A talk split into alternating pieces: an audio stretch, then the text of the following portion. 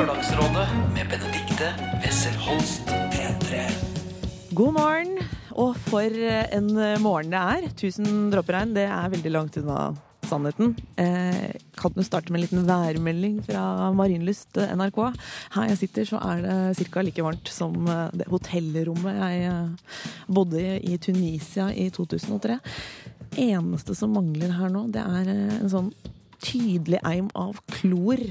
Litt kloakk, kanskje et eh, hint av solkrem, så hadde jeg virkelig, virkelig vært tilbake. I dag så skal vi møte bl.a. Rosa, som lurer på om hun skal oppsøke sin eh, ukjente far. Altså, Moren kan faktisk ikke bidra med noe særlig info, annet enn at hun husker eh, navnet til denne mannen. At han var dansk, og at han var, eh, han var en fin fyr. Snart så skal vi også få vite hvordan det har gått med en kvinne som vi ga råd til for et par uker siden. Hun kalte seg fet, men fattet, og hun har virkelig tatt eh, grep eh, om eh, flere ting, altså. Lørdagsrådet på P3. For et par uker siden så ga vi i Lørdagsrådet råd til en kvinne som kalte seg, kalte seg fet, men fattet. Hun gjorde stort inntrykk på oss. Hun var morsom og kul, og vi mistenker at hun ikke var så fet, men bare en veldig fet dame. Eh, filmregissør Petter Ness, eh, komiker Kristine Riis og eh, VGTV Magnus eh, Devold, eh, de hadde mange råd å gi. Eh, Vi kan høre litt på hva som ble sagt. Morsomme jenter er jo veldig bra. da.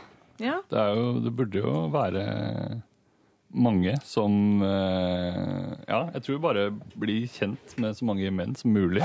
Jeg tenker jeg må prøve å komme meg frem, så kanskje hvis hun har den strategien, at jeg holder meg i bakgrunnen, så kommer de og finner meg til slutt, så, så legg vekk den. Nei, men jeg har vært sammen med gutter som har være av, Ja. vært avholds og ikke har drukket noe særlig. Og, så Og det er- har gått greit. Det, det har gått fint. Hvis en jente er morsommere enn meg, så må hun gjøre seg litt mindre morsom Ja. enn meg. Jeg tror, det er, jo tror jeg, Rydde opp i selvbildet tror jeg er på en måte viktig. Hvis du sier fet, men fattig. Hvis man går Ja. med et bilde av seg selv som eh, fet. Ja. Jeg bare går med et bilde av meg selv som gammel og døende.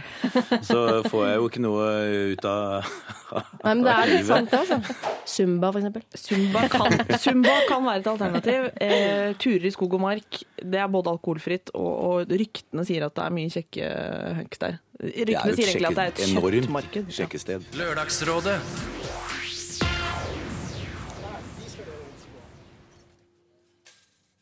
Det var eh, Fet, men fattet som eh, vi diskuterte der. Jeg må jo legge til det at hun eh, skrev inn til oss hovedsakelig fordi det var over tre år siden hun hadde ifølge seg selv, tatt på en mann. Og det er klart at da, da, må man, da må man ta grep i det ene og det andre. Og det som er så fint, er at Fet, men fattet hun har gitt oss en tilbakemelding på hvordan det har gått. Jeg må bare lese opp dette. Kjære Lørdagsrådet. Jeg fikk for et par uker siden gode tips og råd i forhold til dette med å være feit og singel. Og ensom. Jeg har nå tatt rådene deres til meg, og vet dere, jeg har aldri hatt det så bra før. Først og fremst så har jeg tatt eh, kontakt med rådgivningstjenesten på skolen. Det å ha noen nøytrale å snakke med har hjulpet meg veldig. Jeg fikk tømt meg, og det var mange ting jeg ikke visste plaget meg. Å begynne å drikke følte jeg ikke var noe stort behov. Eh, Jeg tar av på fest uansett, jeg, men eh, jeg har begynt å dra ut mer. Og vet dere, som en følge av deres spark bak, har jeg møtt en fyr som riktignok natt til en søndag sa veldig mange pene ting som jeg ikke er helt sikker på om jeg skal tro på. Eh, spesielt siden det har vært laber kontakt siden, og han kanskje var litt fullere enn jeg trodde. Men nå er det i hvert fall ikke tre år siden jeg tok på en mann. Og herregud, så glad jeg er for det. Spørsmålet nå er jo den videre framgangsmåten, men det kan jeg jo komme tilbake til hvis dere har lyst til å hjelpe meg mer. Jeg har dessuten jogget litt, og overskuddet kommer snikende. Og til slutt har jeg søkt hybel nærmere byen, og fått det. Eh, Det eneste jeg ikke har greid å gjøre noe med, er å fortelle bedre vitser enn potensielle menn. Humor er eh, i grunnen det jeg har å rutte med. Det og et sett eh, enorme pupper. Jeg velger å håpe at når jeg blir for festlig, så forsvinner fokuset dit, så kan jeg fortsette å snakke. Kan ikke annet enn å takke for gode råd og et veltrengt, er det et ord, spark bak. Tusen takk. Chubby klem fra fet, men fattet. Det der, det, det varmet, altså. Det var godt å høre fra Fet, men fattet. Eh, har du noen problemer som du har lyst til at eh, dagens lørdagsråd eh, skal gripe fatt i, så er det altså P3 til 1987 som er SMS-adressen, eller lralfakrøll lralfakrøll.nrk.no som er mail, og der kan du jo greie ut i det vide og det bredde. Vi skal snart møte dagens rådgivere, men før det så er det The A-Team med Ed Sheeran. Lørdagsrådet på P3. Nå er det på tide å introdusere dagens eh, lørdagsråd. Eh, Her i studio så sitter det en litt sånn eh, sleivkjefta hitmaskin fra bergensområdet. Og en lyslugget entusiast fra Isfjorden. Begge har litt sånn antydning til svettebart. Det er bare koselig. Velkommen, Gabrielle og Gaute Grøtta Grav. Tusen takk. Tusen takk. Det er veldig hyggelig å ha dere inne i et varmt, varmt studio. Eh, Gabrielle, jeg vet at du, det er ikke noe hemmelighet at du er en busy dame. Så eh, hva, hvor har du vært nå den siste tiden? Du, nå eh, Hei. Hvor har jeg vært? Vi må nødt jeg må begynne å skrive ned hvor jeg har vært. Det er noen ja, ganger er jeg litt, ikke helt eh, henger med. Men nei, vet du hva, jeg skal ikke sitte her og si sånn nei, gud, jeg er så busy. Men altså Jeg var, jeg spilte, jeg var ute på eh, en gig i eh, i, eh, i Bergen denne uken. Ja. Det var ute på Håkonsvern. Sånn oh. militær, for å spille for militære eh, Ah, eh, mannfolk. Og det var, ja, det var veldig gøy. Det var litt sånn Men da var det litt sånn jeg har, Når jeg var yngre, så var jeg veldig sånn Å, mann i uniform, det var jo det beste. Ja. Så jeg så liksom for meg at jeg skulle komme ut der på Håkonsvern og bare Åh, nå se alle de fine, flotte Mm. mannfolkene i uniform. Men jeg er jo 27 nå, og de er 18. Oh ja, de er Så det har sånn liksom skjedd en sånn Ja. ting på den tiden, da. Så det var liksom sånn Det var smågutter. Kjente jeg ble litt skuffet, men det var, det var absolutt veldig kjekt. Hadde Også- de uniform på seg? det var Noen hadde uniform. Ja. Men når de kom på konserten, så sto de av en eller annen grunn sivilt. Altså, Åh. jeg Det er litt skuff. trodde de måtte gå med den hele tiden. Ja, jeg også, egentlig. Jeg har et lite spørsmål, for jeg lurer på Nå, nå har du altså hit på hit på hit. Eh, hvordan er det i møte med folk? Er det mange som begynner å synge på en hit når, du, Jeg skjønner ikke når folk deg? sier det. Ok, Jeg skjønner hva du mener, men jeg skjønner ikke hva de liksom, det der med hitmaskin Jeg liksom Jeg vet at jeg har hatt musikk spilt på radio, sånn, men det har jo ikke vært sånn herre hit. Har det? Jo, det, det har det vel vært. Gaute, back meg på det. det Jo, jo, gæren. Det er jo veldig veldig mange låter, som i hvert fall Ja. tre, som er kjempekjente på veldig kort tid. ja. Så det kan, det Det, jeg må jo ta det som et de har, kompliment. du, du skal ta det som en kompliment. Jeg bare antar at noen liksom Er det sånn at når folk kjenner deg igjen, så, så bryter du ut i sang? Ja, det var òg litt morsomt, for i går, når jeg, før jeg kom tilbake til Oslo, så hadde, var jeg og fulgte tantebarna mine på bensinstasjonen på sykkel, for vi skulle kjøpe is. Og da eh, Dette er to ting som jeg er redd. Det er fulle mennesker og ungdomsskoleelever. High five. Åh, Det er to ting som De gir meg skumle. grøsninger. Så når vi da kom bort på bensinstasjonen, og jeg har ingen sminke og solbriller og alt, liksom bare tenk, og der står det en gjeng, og de bare begynner med en gang bare Ring meg! de gjør det.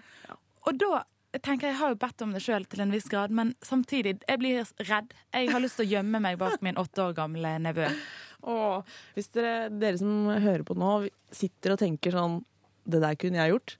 Kanskje ikke skal gjøre det. Nei, For dere Gabrielle hadde blir ikke så gjort det. Det er bare ungdomsskoleelever og fulle mennesker som gjør det. Ja, og 15 år gamle jente i flokk. Sant, det er skummelt! Å, herregud. men jeg mener gutter gutter ja. ja. Altså, hvis jeg Det gutter er gutter og eh, jenter skummel for Jeg trodde faktisk, for det er sånn undergang liksom, etter bensinstasjonen når vi skulle gå tilbake Jeg trodde at de skulle stå der og banke meg. Det er sånn Jeg, jeg er redd. sånn er det å ha en gjør- eh, monsterhit på radio. Man kan bli helt superredd av det. Eh, Gaute Grøtta Grav, TV 2-mann. Eh, nå er du gift og tobarnsfar. Ja, nesten tobarnsfar, i hvert fall. Du er snart Ja, så hvis det ringer nå, så må vi bare springe. Vi er, vi er der, ja. Ja, ja, Det er spennende. Ja, det er litt spennende, Ja. faktisk. Men jeg har jo vært gjennom det en gang før nå. Ja. Så det er bare sånn litt rutine, vet du. Og vært på gård i mange år veit hva det går Ja, i. ja, ja. Du har tatt ja, ja. imot det ene og det andre. Du kunne nesten gjort det her hjemme, du, eller? Ja, men vi vurderte det en god stund. Sånn er det når man er eh, en eh, handlingens mann og gift med en dyrlege. Da, tar man, eh, da ser man det praktiske i enhver situasjon. Og det vi har konkludert med, at det blir så mye gris. Så det blir så mye rydde opp etterpå. Så derfor går jeg med på Så derfor gjør dere det på Mm. profesjonelle måten. Eh, er det, har du noen planer framover, eh, Gaute? Nei, nå er det hatt- helt stille, faktisk. Det nekter jeg å tro på. Åh, jeg er ikke stille. Sånn. Jeg har vært, jeg har vært jorda rundt i et halvt år sant? sammen med familien og lagd et program som heter Villdyrlegen, som kommer på TV 2 en eller annen gang i framtida. Vi sitter i et mørkt rom nå og nyter eh, at folk kan være ute, mens jeg er inne og klipper det programmet. Håper å bli ferdig før august, så okay. vi får et lite glimt av sol. Og så er det noen nye prosjekt i løpet av høsten som vi ikke kan snakke så mye om akkurat nå. Ja. Men det er veldig spennende. Det er, Dritbra. det, det er standardsvaret fra alle i TV-bransjen. Ikke sant, er det. Ja. Men, du, og det er så Men litt i musikkbransjen òg. Sånne Ja. folk som egentlig ikke har så mye going for them, de sier alltid sånn Ja, eh, holder på å jobbe med noe, kommer eh, en Nei, uff, nå må jeg ikke snakke stygt, det er veldig bra. Jo, jo, jo! Det er viktig å få ut all gørra tidlig. Ja. Nei da, vet du hva. Det, Det å jobbe er, med eh, noe som kommer i framtiden, det Ja. syns jeg er veldig riktig og veldig bra. Og veldig lurt. Så til deg som hører på, hvis du ikke driver med noe sånn kjempekult akkurat nå, bare lat som du gjør det. Og si sånn vent litt. eh, Jeg er midt inne i noen prosjekter, det er innmari spennende. Jeg kan ikke si så mye om det, for det er litt hemmelig. Det er jo godt triks. Ja, men, Men vi tror tror på deg, Gaute. Veldig irriterende at det er sånn. For at jeg har lyst til å snakke om det hele tida. Jeg skjønner det. Det er jo det som er artig å snakke om hva drive driver på med. Ja, så, ja, ja. Nei, kan du snakke om det? Nei, ok, men da går vi videre. Ja, men vil du egentlig snakke Nei, Ja. Men, ja. Folkens, eh, det er altså Gabrielle og Gaute som skal eh, røske tak i det dere har av eh, problemer. Lørdagsrådet. Forrige lørdag så snakket eh, vi med single Marianne, som lurte på om hun skulle ta turen til Danmark for å bli gravid, via Stork-klinikken som de har der. Vi kan høre litt på hva Guri Solberg og jeg eh, kom fram til. Det første jeg tenker på når jeg hører hennes dilemma, er at hun er 30 år. Ja. det er jo pur ungt. Eh, og hun har fortsatt, jeg tenker at det er fortsatt pur ungt i forhold til det å få barn. Det er jo en innmari svær greie, og ikke minst et stort ansvar å ta på seg alene også. Det er et ganske sårt tema. Man er redd for å trå feil. Mm. Fordi at det å bli foreldre og skulle få barn, og liksom moralske spørsmål og religiøse perspektiv på det, er det jo mange som har. Det er en sånn der, et krattskog av tær man kan trå på. Altså når du da skal reise til en klinikk og gjøre, og du gjør det aleine, så føles det kanskje som en, en annen type avgjørelse. Og derfor så tror jeg alle de spørsmålene er sterkere hos Marianne. Altså, sorry å si, Det er liksom verdens kjedeligste råd, men det er bare hun som kan vite om det Ja. er riktig. Ja, altså vi kom jo eh, på en måte fram til at Marianne måtte finne ut eh, litt mer selv hvor hun står i det her, før hun hører på alle rådene hun får fra alle rundt. Eh, Etter at vi hadde, mens, eller mens vi snakket om dette, så fikk vi faktisk en mail fra en jente som har opplevd det som barnet til Marianne mest sannsynlig kommer til å oppleve, altså nemlig det å vokse opp uten å vite hvem eh, faren er. Eh, Hei, Rosa. Hei sann. Hei. Du, eh, hva var det du reagerte på med Mariannes problem? Jeg reagerte vel egentlig på at du virker som du var redd for hva ungen kom til å oppleve. Som Ja. i forhold til oppvekst og at det tydeligvis hun har en liten familie. Altså hvordan det kom til å bli for ungen å bare ha egentlig en mor som står henne nært. Ja, og det vet du litt om, gjør du ikke det? Jo, jeg føler jeg vet ganske mye om det. Eh, det er jo Egentlig så vil jeg bare si til hun at eh, ungen blir normal, eller iallfall så nær, så nært normal du kan bli. det kan iallfall jeg konstatere. Ja. Noen kan være uenige, men jeg føler iallfall at jeg har opplevd et ganske normalt liv. For du har vokst opp uten å vite hvem din far er.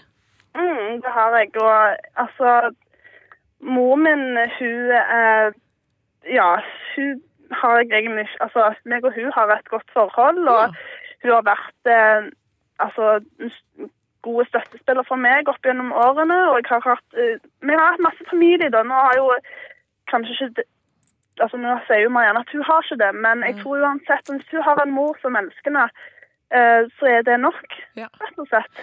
For det at Ja, jeg tror bare at hun egentlig virker som hun ledet litt feil, da. Ja. Litt sånn. Mm. Og så er det sånn at det her satte i gang noen ting hos deg selv også, for du har skrevet inn til oss med et uh, problem som du selv mener å ha. Fortell om det. Ja, nei, altså jeg merket jo allerede i barndommen jeg, Før så, da jeg var liten, så gikk jeg rundt og sa til folk at faren min var død. For jeg var jo litt flau over at jeg ikke hadde en far. Men så når jeg ble eldre, så begynte jo jeg å forandre litt på historien, og jeg visste ikke helt hvem jeg hadde sagt dette her til. Så folk begynte jo å spørre meg ja, men var ikke faren din død, da? og da visste det seg jo at jeg hadde jo egentlig lagd min egen lille historie, egentlig. For jeg har liksom alltid hatt litt lyst, ønske om å vite hvem det er, da. For du har en slags identitetsfølelse du vil på en måte ja. Du vil få svar på. Så nå lurer du på om du skal gå i gang med å, å finne ut hvem eh, faren din er? Er det sånn? Ja, og min far Jeg vet jo så langt at de ble ikke altså, henta noe uh, sæd nede i Kjøben, da. Eller Nei, i Danmark. Du er ikke et såkalt donorbarn? Det var, nei. Nei. Men han er dansk. Han er dansk. ja. Så det er noe til felles der. Ja, Hva vet du egentlig om han? Um, svært lite. Ja. Eh, han heter jo Søren Nilsen, men det gjør jo ganske mange i Danmark. Og hvis du leter på Facebook, så er det umulig å finne eh, sin rette far, egentlig. Så jeg har litt vurdert å liksom ta ringerunden rundt til folk i Danmark som heter Søren Nilsen, og spør er, er du min far. Spennende. Dette er jo, eh, dette er jo veldig spennende, og, og det at eh, han heter omtrent det samme som At han heter på en måte Ola Nordmann i dansk versjon, det gjør jo den googlinga litt eh, ekstra tricky. Eh, vi skal snart eh, diskutere problemet ditt, Rosa, med Gaute og Gabrielle, eh, og finne ut Hjelpe deg på vei med hva du skal gjøre. Rett etter I Spy med Mikael Paskarev.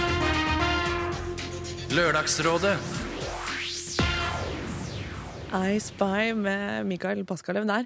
Eh, Før det så snakket vi med Rosa, som lurer på om hun skal oppsøke sin eh, ukjente far, danske Søren, eh, som verken mor eller datter da har hatt kontakt med.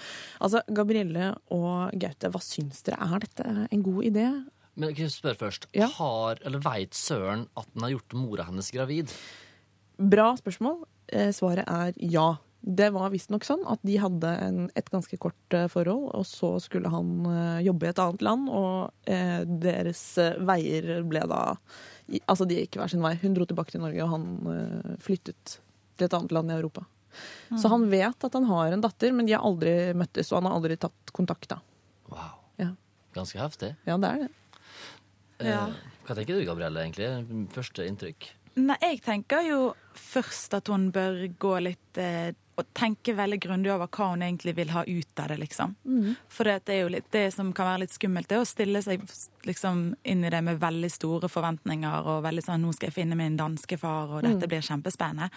Eh, så ja, jeg, jeg tror at hun klarer sikkert å ta en avgjørelse når hun på en måte har kjent nok på det der, om hun er klar for å bli skuffet, eller altså, om det er verdt det, da. Ja. Hele greien. Ja, for det er jo ikke noe garanti for hva hun skal møte, nei. Nei, sant. Og det kan jo hende at, det, at han ikke har tatt kontakt. Altså fordi at han kanskje føler at det er litt for intenst for han, liksom. Men um, samtidig så kan det bli en veldig happy ending. Men jeg, jeg ja. Ja, og hun skriver jo også det til oss som vi snakket med henne om, at hun er jo usikker på det. Om det er, for hun har det egentlig helt, eh, hun har det egentlig helt fint, men hun har en, en nysgjerrighet og en, et ønske om å vite. Da. Jeg er veldig fan av å finne ut. Ja. Og ikke gå rundt og kjenne på den utryggheten. Altså, hun må ikke være naiv og tro at det her blir en, å få, endelig får en far etter 25 år, eller hva det er for noe. Nei, han står vel neppe liksom i porten i sånn koselig rutete child! Ja. Han har sikkert tre unger til, ja, kanskje det også. sant? Ja. men samtidig jeg tror mange fedre som er i den situasjonen, tenker, har- går med en slags sorg i seg. Fordi de har kanskje gjort noen gravid, og så har de dratt. Og når han først har dratt, så er det liksom ikke hans sin rolle å, å gå tilbake. Nei. Det er veldig vanskelig for mange menn, hvert virker det som, å gjøre det. Mm. Da, da sitter heller alene i hula si og sturer. Som den utstøtte ulven. sant? Ja. Men kommer du da tilbake, så kan det hende han faktisk har bakst. Det Ja. kan være. Ja. Hvis du finner han igjen, da. Det er jo sjanse for, hvis at han er en decent guy, at han kanskje sitter igjen med litt dårlig samvittighet og, og det ønsket om å vite hvem hun er, og så videre. Og så tror jeg jo sånn så at det kan bli en spennende reise for henne, spesielt siden at han liksom er fra Danmark, og kanskje hun lærer litt om seg sjøl på veien, og kanskje det er på en måte at det kan bli en, en spennende Ja. reise i, i seg sjøl, da. En, en erfaring som hun kanskje kan lære mye av. For det handler jo ja. mye om gener. sant også? Det er jo ikke bare miljø eh, som påvirker oss. Mm. Så kanskje ser hun mye av seg sjøl i han, sjøl om de aldri har vært sammen. Kanskje har han har også halvsøsken da, som Mm. bare Wow, hun ligner jo veldig på meg. Er det liksom et grunnleggende behov, det her? Altså det at man vil vite hvor man er fra? Hva, hva, hva tenker dere om det? Vil, ja.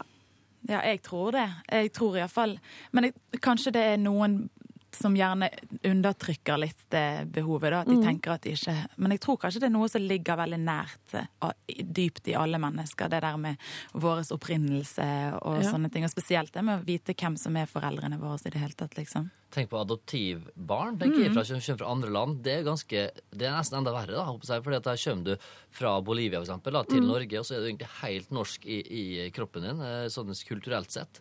Og så bare kjenner du at du er ikke helt lik alle andre likevel. Mm. Og Nå blir det jo bedre og bedre i Norge fordi at vi er så multikulturelle etter hvert. Men det å dra eh, da tilbake til Bolivia og finne foreldrene sine, det er jo helt Mm. Ja. Og da har du ikke valget heller.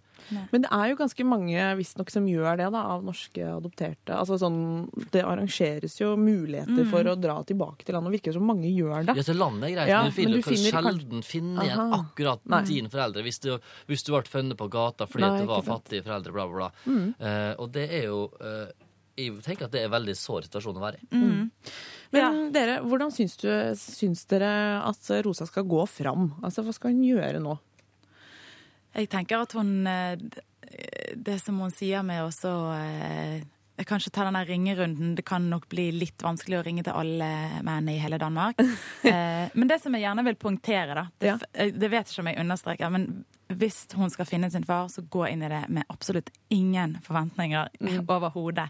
For det er ofte det som kan knuse mye av opplevelsen. altså generelt ting man gjør i livet. Liksom det der at man går inn i det med forventninger. Ja. Men eh, ja, det er vanskelig når han har så common name, da. Altså det der med Søren. Heter det er jo alle Men samtidig, han må jo være innenfor en viss aldersgruppe Ja, her. ja. Sant? Og dama vet nok sånn, eller mora vet nok sånn cirka hvor gammel han er. Mm, Da er og det kanskje, kanskje, litt hvordan han sånn så ut på den tiden. Ja, ja. Kanskje Hun må jo ha et, eller bilde, annet. ja. Ja, et eller annet sånn Ja, han jobbet der, og så, og så prøv å ringe opp Ja, liksom hvor han har Gammel arbeidsgiver, ja. Mm, og så gjennom. Nav. Eller det finnes jo Mm. helt sikkert sånne Røde Kors og Frelsesarmeen, og det er mye sånne Mm. gode organisasjoner som hjelper folk å finne hverandre. da. Jeg tipper at eh, Rosa vet dette litt, men at hun ikke har gått inn i det 100% på den research-biten, nettopp fordi hun er litt usikker. Så det tenk- tror jeg ikke blir det største problemet. Tenk så gøy når hun kan gå til de som hun sa at, eh, at faren var død, så kan hun ta med seg faren så kan hun si 'se! Han er ikke død!' Han har gjenoppstått. Eh, har, dere, har dere noen forslag til hva man sier, da? Eller når man tar den telefonen, eller eh, skriver den meldingen på Facebook, eller hva, hva Har dere noe innspill? Jeg er litt fan av de der filmene der man på en måte later som man bare er en nabo eller en, en du tilfeldig vært litt person. Litt sånn der, ja, igle seg, ikke igle seg, men litt sånn der bli kjent med han, og så plutselig bare You are my father. Og Gabrielle, da har du også muligheten til å trekke deg. Altså, du kan ringe Ja. på en dør og late som du skal selge en en blomsterbukett. Og hvis han lukter mm. vondt og du blir kjempeskuffa, så kan du Ja. Nei, det er dårlig Er det dårlig? Ja, det er dårlig gjort. Du, har allerede gjort noe som er litt dårlig òg, Ja, ja, så det er jo litt sånn karma. Backatche, liksom. Ja. Jeg syns det var lurt, Ja, men jeg vet ikke om det er riktig. Nei, ja. men, men Rosa får alternativer her som jeg syns er veldig gode. Som Man- jeg håper hun eh, Som jeg vet at hun kommer til å vurdere. Da, da kan du være litt lur. Altså Du kan snike deg opp, late som du er en annen. Eller du kan gå rett på, som er kanskje Gaute sin favoritt, favoritt. Ding dong. I'm your daughter. Nei, nei, nei. nei, nei, nei. Det, det, tenk på ikke en hjertetakk heller. Har! Mange, her er jeg. Nei, mange gamle menn har jo ikke e-post faktisk enda en dag i dag. Sånn. Og heller ikke så gode på tekstmelding. Og Facebook har de hørt om. Ja. Så jeg ville faktisk sendt et brev. brev? Ja, Men hvordan ja, vet du at det kommer fram til riktig person? Nei, det må du sjekke først, Postverket selvfølgelig. fungerer jo på en måte syns det er så skummelt det med brev. jeg. Ja, det er sant, det, da. Ja, Men det er fint òg. I en sånn situasjon så Mm. er kanskje brevet det riktige medium. Altså. Det er litt, eh, det er litt Håndskrift. ordentlig. Ja. Litt sånn Veldig personlig. bilder av meg så sjøl gjennom fint, barndommen. Mm. Brev. Med duft. Duftbrev. Et duftbrev eventuelt. Har Eh, Og så klippe av litt hår og ligge nedi. I men ikke, ikke den vododukken med sånn nåler i. Den, må- den må du la ligge igjen. Eh, vi skal faktisk ta opp tråden med, med Rosa i neste uke og høre hva hun Mm. velger å gjøre. Og, og hva hun tenker om det dere har foreslått. Jeg syns det er så fint at hun spør om råd. Jeg. Ja, det synes det er jo mange som bare hopper inn i det og så gjerne Ja, kanskje angre litt hvis det gikk litt for fort. ønsker hun så masse lykke til. Ja, en- Det er godt å høre. Lørdagsrådet på P3. Hei, hei, o store råd. Jeg er en gutt på 22 som uh, har vært sammen med en jente i ca. to år. Vi har bodd sammen lenge, uh, men vi har aldri, virkelig aldri kranglet. For de fleste høres nok dette veldig fint ut, men ikke for meg. Jeg har vokst opp i et hjem hvor vi krangler mye, og da mener jeg eh, å skrike irrasjonelt til hverandre og hate hverandre i to minutter, for så å være glade i hverandre igjen like etterpå. Eh, Det er en måte for meg å vise kjærlighet på, selv om det høres litt rart ut. Men hver gang kjæresten eh, og jeg kommer i en opphetet diskusjon, så begynner hun bare å gråte, og det dreper alt. Nå, etter to år, så holder jeg på å gå på veggen. Jeg blir gal og trenger faktisk å få det ut. Jeg har prøvd å forklare problemet for henne, men hun vil ikke skjønne. What to do? Hilsen Vebjørn, vanligvis en veldig rolig fyr på 22 år. Ja, her sitter vi i Lørdagsrådet og skal gyve løs. Eh, Gabrielle eh, sitter og tar seg til hodet i ren frustrasjon. Og Gaute Grøtta, du ser, eh, du ser fattet ut. Ja, jeg kan kjenne meg igjen i dette her. Du kan kjenne deg igjen i Ja, dette? ja, selvfølgelig. Dette minner meg om eh, ti år tilbake i tid. Det er herlig. det er herlig. Var du en krangler eller en, den som ikke ville krangle? Eh, jeg er jo veldig sindig, egentlig. I all, som eh, kanskje en, en eh, Hvis jeg skal analysere meg sjøl veldig kjapt, så vil jeg si at jeg er kanskje veldig mental i stedet for følsom. Så jeg vil begynne å analysere med en gang med en krangel. Så vil jeg trekke meg Ah. ned og så begynne sånn ja, OK. Og det er veldig frustrerende for motparten. ikke sant? Du er gæren. Du kan ikke analysere det. Sånn. nei, nei. Det aner meg at Gabrielle er en litt annen Ja, hun type. er veldig følsom, tror jeg. Og Nei, hvordan- vet du hva? Jeg, det som jeg syns Jeg kommer fra en kranglefamilie. Ja. Mm. Så, Og det er så til bra. de grader. Eh, og da er vi elsker hverandre så mye at vi blir sint. det er det vi pleier å si. Men, Ja. men det som jeg syns er så spesielt i, denne, i dette problemet, er jo det at jeg har snakket mye med venninner. Alle venninnene. Vi er sånn at vi har lyst til å være i et forhold der man kan faktisk skrike litt til hverandre. Og ha en, en kjæreste som er litt der òg. Og så etterpå så har man litt sånn- fått sånn utløp for det. Jeg, skal, jeg sier ikke at man skal krangle ofte, liksom, da. men bare det der å få følelsene litt utenpå kroppen og bare æh. Men eh, Det er for deg et sunnhetstegn i ja, et forhold. så jeg skjønner at han her går litt på veggen, som Men det er ikke veldig norsk. Nei. Fordi at det mer italiensk. Ja. La, la, la, la, og så- Er det mer av det? Ja, Ja, ja, ja. Og, og det kan være litt bergensk, for det kommer vært mye seilere Kanskje. i veien der. i Ja. opp Men min tida. far er oppe fra der som du er. Og han er på Ja. Er fra Romsdalingen Ja. Ålesund der? Nei, han er i Møre og Romsdal og var oppvokst. Ja, ikke sant? Ja, det kan jo være Men han er veldig nede, da. Ikke sant? Han har to ganger i året, det sier han sjøl. Da smeller han. Ikke sant? Det er noe med Når du bor Der i er en du, dal, så blir du der. Når, når det først smeller, så holder du stille, da. Ja. Men, men det jeg skal si, da, er Ja. at um, det, det grinetrikset er forferdelig dårlig gjort. Ja, det- Sant det er. Du ødelegger det, det, det er den verste hersketeknikken som finnes. Du sier sånn 'Å nei, du gjør meg så sår'. Men det kan jo hende det ikke er et triks. Ja, Tenk det hvis hun kan bare hende. begynner å grine. Bare, slutt med det. ja.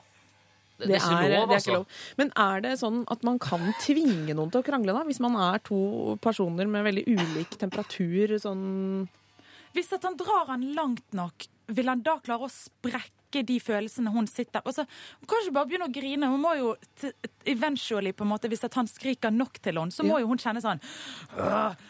Hulken, nesten. sant? At du bare liksom Nå blir jeg òg sint! Ja. Nå skal jeg få si det som jeg tenker, liksom. Kanskje hun har et sånt eh, to ganger i året. Ja, Da skulle han ha opplevd det, da, siden de har vært sammen i to år. Men ja, ja. hun kan jo være en sånn eh, skikkelig tikkende bombe, da. Kanskje han gir seg for lett? Nei, men han sier Ja. jo at han har tatt det opp med henne òg. Ja, men han sier jo 'jeg er den. Sindige'. Ja. Han trenger en Ja. dame som eh, roper til han, så han kan komme opp i gir. Ja. Det, det får han ikke. Altså, han, Nei. begynner han å snakke sånn hardt til henne, så bare går hun da. Går rett over i grått. Ja. Og det, altså Selvfølgelig skal jeg ikke si at det er forbudt å grine, altså alle kan jo gjøre det, men det er et veldig kraftig virkemiddel. Altså. ja, det er det. Du kan, det, er helt umulig liksom, å fortsette noe som helst. Ja. Diskusjoner, hva som helst. De er jo grin, så Ja, er en game over. gråtende kvinne. Ja. Og det er lite sjarmerende. Men går det an at de kan prøve å ha litt sånn Enig med deg. Ja. Eh, går det an at de kan prøve å ha litt sånn eh, Lage skuespillkrangler? Oi, rollespill. At de på en måte kan finne prøve å finne den der, sånn at hun kan For det kan hende hun har problemer med det der å si liksom Være litt krass, da, og liksom sånn si det sånn som hun føler det. Kanskje de kan begynne å ha litt sånn skuespill sånn. Og det kan jo lede til både det ene og det andre. Oh, ja, ja, ja. Nei, uff. Jo, men Vebjørn, Jo, jo. Eh, Vebjørn dette er jo, dere er jo tydelig Dere har ulik måte å nærme dere en løsning på, på problemer på. Altså, du liker jo den, eh, den temperaturen og den krangelen. Og det er en øvelsessak, da. Så den eh, kjæresten din, som kanskje kommer fra en familie hvor man ikke krangler, for henne er, er det uvant, og man kan ikke forvente at det er noe man mestrer med en gang. Kanskje hun blir veldig redd. Kanskje hver gang du eh, klikker litt, så tenker hun at du skal slå opp eller være slem. Det er jo eh, noe man kan feiltolke. Og så bare si én ting til Ja. til Vebjørn, som er litt sånn Du skal ikke bare være på laget hans her, fordi at Vebjørn, du er vant til mor di. Ja. Hun er sånn. Mm. eh, Du trenger ikke nødvendigvis finne en dame som er lik mor di. Det kan være hyggelig at det er litt annerledes. Mm. Så hun bare sånn 'Å ja, men mamma øh, ja, altså, Du må ikke ende opp der. Da kan hun heller gifte seg med mor si, og det er ikke lov. Det er ikke et alternativ.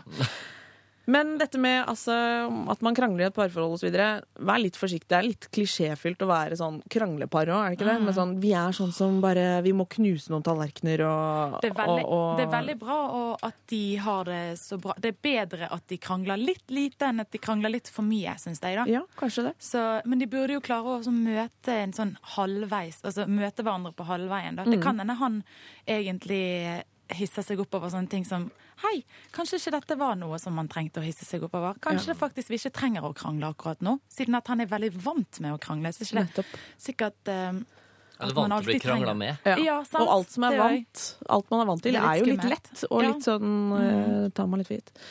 Eh, Vebjørn, du som vanligvis er en veldig rolig fyr på 22 år. Eh, du kan ikke forvente at alle er like gode på krangling som deg, men eh, det er selvfølgelig eh, viktig at dere nærmer dere litt. Og vi har eh, kommet fram til at et rollespill eh, vil være faktisk noe som kan funke. Ja.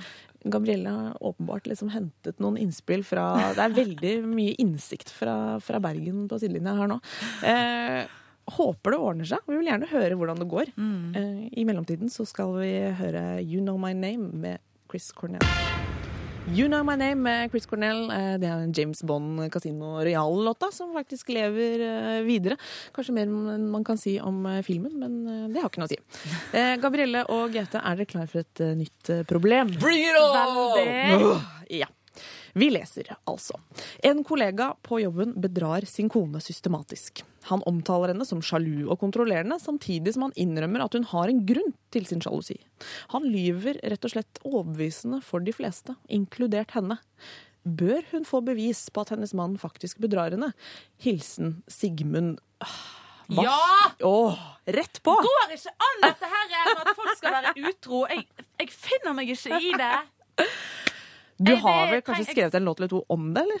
Nei, ikke det med utroskap, faktisk. Det burde du gjøre. Jeg har ikke erfart det Ekte ennå. engasjement må Men jeg, eh, ut. jeg kjenner at eh, jeg blir så mektig provosert. Ja. For at denne fyren her er jo, må jo bare virkelig få seg et nakkedrag. Ja. Men det er ikke Sigmund sin jobb Oh. å ta den.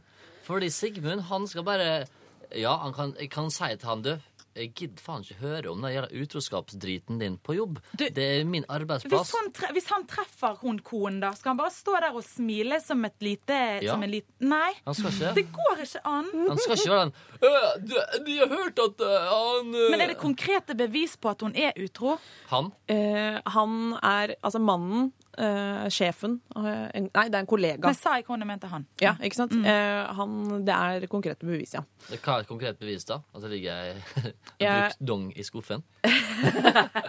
Det er litt uklart, men uh, ut jeg skal, jeg må- ja, altså, utroskap er noe dritt. Det Ja. var jeg enig om. Men det skjer hele tida overalt. Overalt, overalt. Er for, og da skal det være mer eh, Da skal vi godkjenne det det at Nei, men, nei. Ikke, men det er ikke vår jobb å drive og, og begynne å avsløre andres utroskap, for da tror jeg vi er inne på en veldig sånn vanskelig vei. da, For da må vi begynne å ta på oss hatten og være sånn Ja, men så man kanskje avslørt han nå, da, og så er det så mange, så får én Er det så mange? Herregud, for et miljø du henger i. Jeg har Nei, ikke- ikke noen bare- venner som går rundt og er utro. Nei, jeg har ikke gjelder faktisk, men jeg ser jo sånn statistikkmessig så er det jo veldig Ja. fryktelig vanlig. Jo, men lege, Det vi burde få ned den, der, eh, den statistikken der. Ja, Helt enig. Går du til en lege, så er han skal, jeg har gitt opp, gitt opp uh, håpet på kjærligheten. Hvorfor det? Nei, for at annenhver dame kommer inn og har fått klamydia av mannen sin. Ja, det er jo litt dumt. Men kan Ja. jeg bare, ok, Nå skal jeg ikke være så kvass, men jeg blir litt sånn der, eh, jeg blir nei, streng, nesten. For at jeg forstår, jeg kan se det der med at hvis at man er i et ulykkelig ekteskap og, og og eh, eh, liksom, Men likevel så er det ikke lov. Og så mener jeg det at stakkars denne konen som går rundt uviten i et ekteskap der mannen bedrar henne, og alle de andre går rundt og vet det, og hun er, blir gjort til en idiot. Ja, for det er jo noe med det, Gaute. Hvis dette er La oss ta utgangspunkt i at eh, denne mannen som er utro, er, sånn, eh, er såpass tydelig utro at, at hele hans uh, jobbmiljø vet det. Er det, er det en Veldig ugreit. Det er ugreit. Hvis en først skal være utro, så får han holde det for seg sjøl. For det høres jo ut som han ikke gjør det. Ja, og Nei, og det er dårlig stil. Og da må man si ifra til han. Ja. Drit Men du det. mener at du har fortsatt ikke noe rett Selv om det er, la oss kalle det litt sånn out in the open, så, så er det ikke denne Sigmund sin jobb Nei. å ta det videre. Og, og for alt han vet, så kan det godt hende at kona er ikke så dum som han tror. Altså noen eh, Det er jo et viktig poeng. Men det sånn kommer litt an på hvordan man sier det òg, da. Tenker jeg at hvis, at man, hvis at han har konkrete bevis, så kan han si det at, at eh, Sitte seg ned med henne og liksom si sånn Jeg vet at dette kanskje ikke er mitt, til, mitt område, men jeg klarer likevel ikke Det er sånn jeg tror jeg hadde gjort. Altså, Jeg kan ikke egentlig si det, for det er veldig vanskelig. Men liksom Kunne det vært et alternativ å gå til eh, mannen? Altså La oss holde kvinnen utenom. Ja, ja, men at han kan si sånn 'Jeg vet hva du driver med. Jeg syns det er kjempeubehagelig.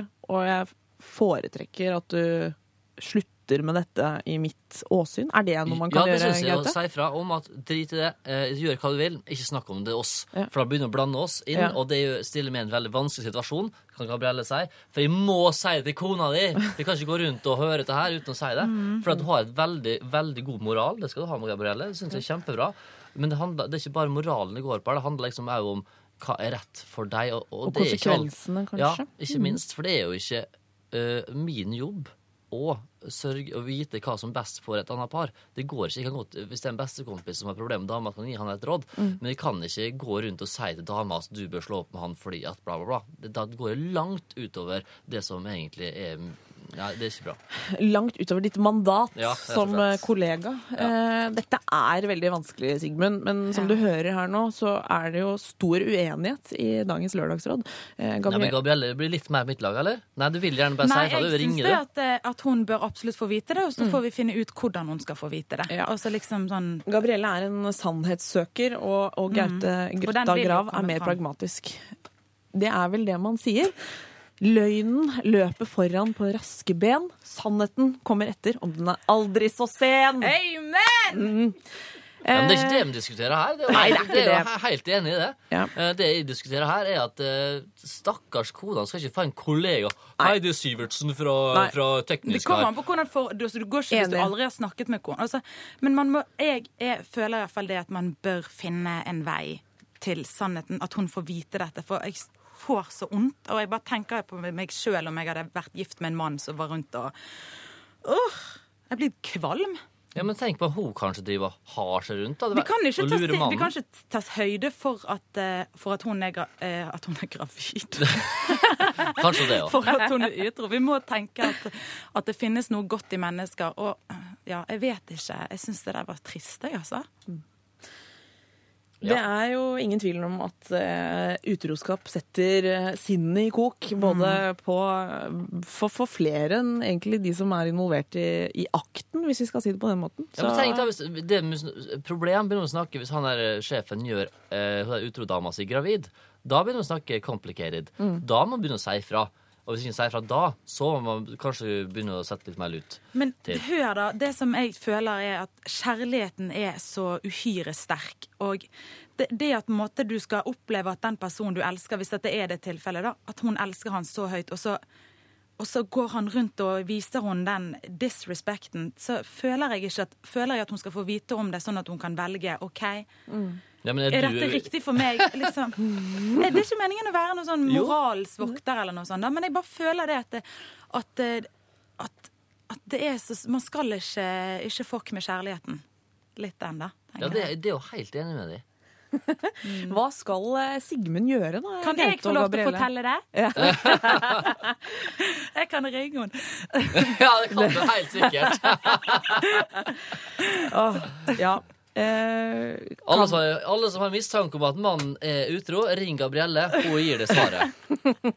Dump han, sier hun. Det er neste Ja. låta. Sigmund, som du skjønner, dette var jo ikke lett å, å svare på. Man må, vi var bare nødt til å, å være enige om at vi er litt uenige her i, i Lørdagsrådet. Eh, og du må rett og slett eh, finne ut hva, hva, hvem du skal høre mest på, om det er Gaute Grøtta Grav eller Gabrielle. Ah, eh, Gabrielle er jo penest, så sånn så det er kanskje best å høre på. Lørdagsrådet på P3. Lørdagsrådet består i dag av eh, popmaskinen Gabrielle og TV 2-programleder og isfjording eh, Gaute Grøtta Grav. Yeah. Vi graver oss helt ned i problemer her, men vi jobber oss eh, systematisk gjennom eh, det hele. Og nå er det altså vennskap og, og boligproblematikk som står eh, på plakaten, vil jeg si.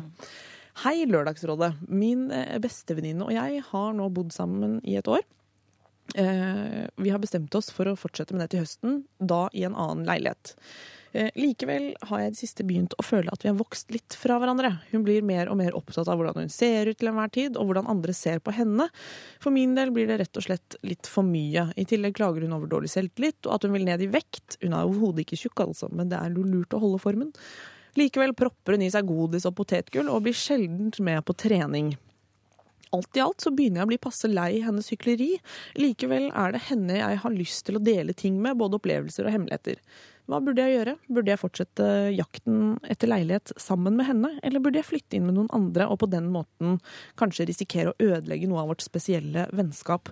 Hilsen Mari 20. Åh, Venninneproblematikk bakt inn i en saus av eh, boligproblematikk. Ikke sant? Hva skal man gjøre? Ja, jente, ass. Ja, nei, det er litt sånn, altså. Er det Eller, litt det her? Jeg tror mange gutter kan ha det sånn på samme måte òg, men Ja. jeg ser absolutt den greien der med at hun sikkert kan irritere seg over spesielt. For det er jo ofte sånn at jeg ser på meg sjøl litt sånn der jeg sitter der og spiser masse drit, og så bare sånn der Å, gud, jeg er så sjokk. Og så går du og henter isen. Altså det er liksom litt den. Men det som jeg føler er jo nøkkelen her, da, det er jo å ta dette opp med henne. Du må si hva, du, hva som irriterer deg. Liksom. Hvis det er så gale at liksom, det går over tid, og sånn, så vil det ødelegge vennskapet og så bare gå rundt og late som ingenting. Ja. For det høres jo ut som, når hun avslutter med det, at men det er hun jeg har lyst til å dele alle tingene med, og dele eh, Ja. ja, jeg håper ikke livet med, men ja. Så betyr jo det at hun er såpass glad i denne venninnen sin, og hun ja. Et gammelt eh, kollektivtriks er jo da å blande kjønn. Veldig smart. Ah, godt fordi innspill. at bare gutter blir ikke pent. Eh, bare jenter blir veldig mye truse over hele Mm. kåken. Det er ikke bra. Får inn en gutt eller en jente, så begynner folk å strammes litt opp, liksom så har fatter'n hjemme eller mor hjemme. Så det, det er noe med at du gjerne vil Ja. ta litt bedre ut. Jeg tror det kan ha, og det er bra. Det blir litt mindre østrogen og litt mer testosteron, og det kan være en god miks, da. Ja. Så Men det blir jo ikke det samme hvis du skal flytte sammen med bestevenninnen din, og, og liksom dere to mot verden. Sant? Og så plutselig kommer det en fremmed kis inn. Det må ikke være en de vil ligge med, da. Det, da blir det i hvert fall stress. Men det er jo 20 år. Det har akkurat blitt ferdig med videregående for et år siden, og ting er på gang til å skje. Altså, de Mm. Bestevenninnene på videregående er ikke nødvendigvis bestevenninna di om fem år. Det kan være smart å ha et litt annet, litt annen omgangskrets òg, da. Ja, så Gaute, du foreslår faktisk at de kan, altså et slags kompromiss her. Altså de kan fortsette å bo sammen, men få inn noen flere. Det er ditt eh, forslag. Mm.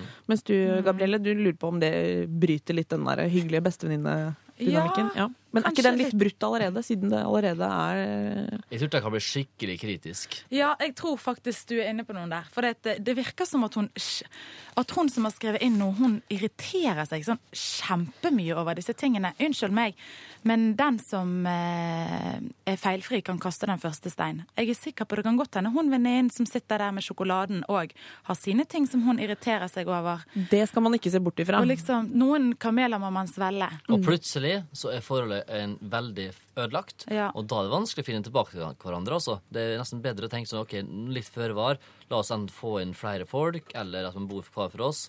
Altså, det er ikke noen det det, det, Men det høres jo ikke ut som de dypeste tingene. Altså, det er jo ikke sånn Nei. Når hun er stygg med meg, det er sånn Og hun spiser sjokolade og så når hun egentlig skulle trene. Altså, Ja, men hvorfor gjør du det? Jo, det er fordi at du har vært for tett oppå hverandre over for Ja, lang tid. Det er for, det er for lite andre ting som skjer, da. Er det egentlig mulig altså, Vil det å bo sammen med en bestevenninne eller en bestekompis, er det egentlig den sikre vei til å ødelegge et vennskap? Hva, vil hva tenker dere om det? jeg har litt sånn forskjellige Mm. erfaringer der, egentlig. Det er noen som fikser det kjempebra. Men så er det noen som eh, rett og slett går oppå hverandre og, og blir lei. Altså Man får ikke denne gnisten. Ja, for det er noe annet, men altså, en kjæreste har man mer sånn rett til å krangle med, og, og det samme gjelder kanskje søsken, eh, hvis man bor sammen med bror eller søster eller mm. noe. annet. Men det er noe med det venneboingen som, som faktisk er ja, man, Det er lett å si sånn, bare ta det opp og ta en prat om det og sånn. Ofte så gjør den Det kan jo faktisk i noen tilfeller gjøre ting litt verre, tenker jeg.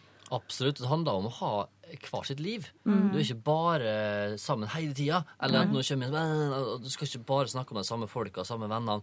Du må tenke du gjør de greier, du gjør min greie. Så kan vi henge sammen kanskje fredag kveld og gå ut Ja. sammen. Men det er så viktig å bare være litt Ja, det er jeg helt enig med. Eh, Mari, kanskje du skal bare gå på trening og ikke prøve å få med deg eh, venninnen din hver gang. Altså, ta mindre Der, der du syns hun er litt slapp og irriterende og sånn, bare slipp det litt og, og gjør dine greier. Så, så at dere ikke går oppi hverandre. Man kan ikke bli helt like.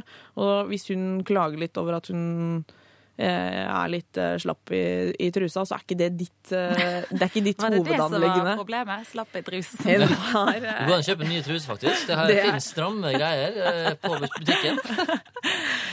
Du kan eventuelt gi henne en holdintruse og, mm. og, og slenge på en Men det høres ut som hun er inne i en litt sånn eh, litt sånn halvkrise, hun som hun bor med, da.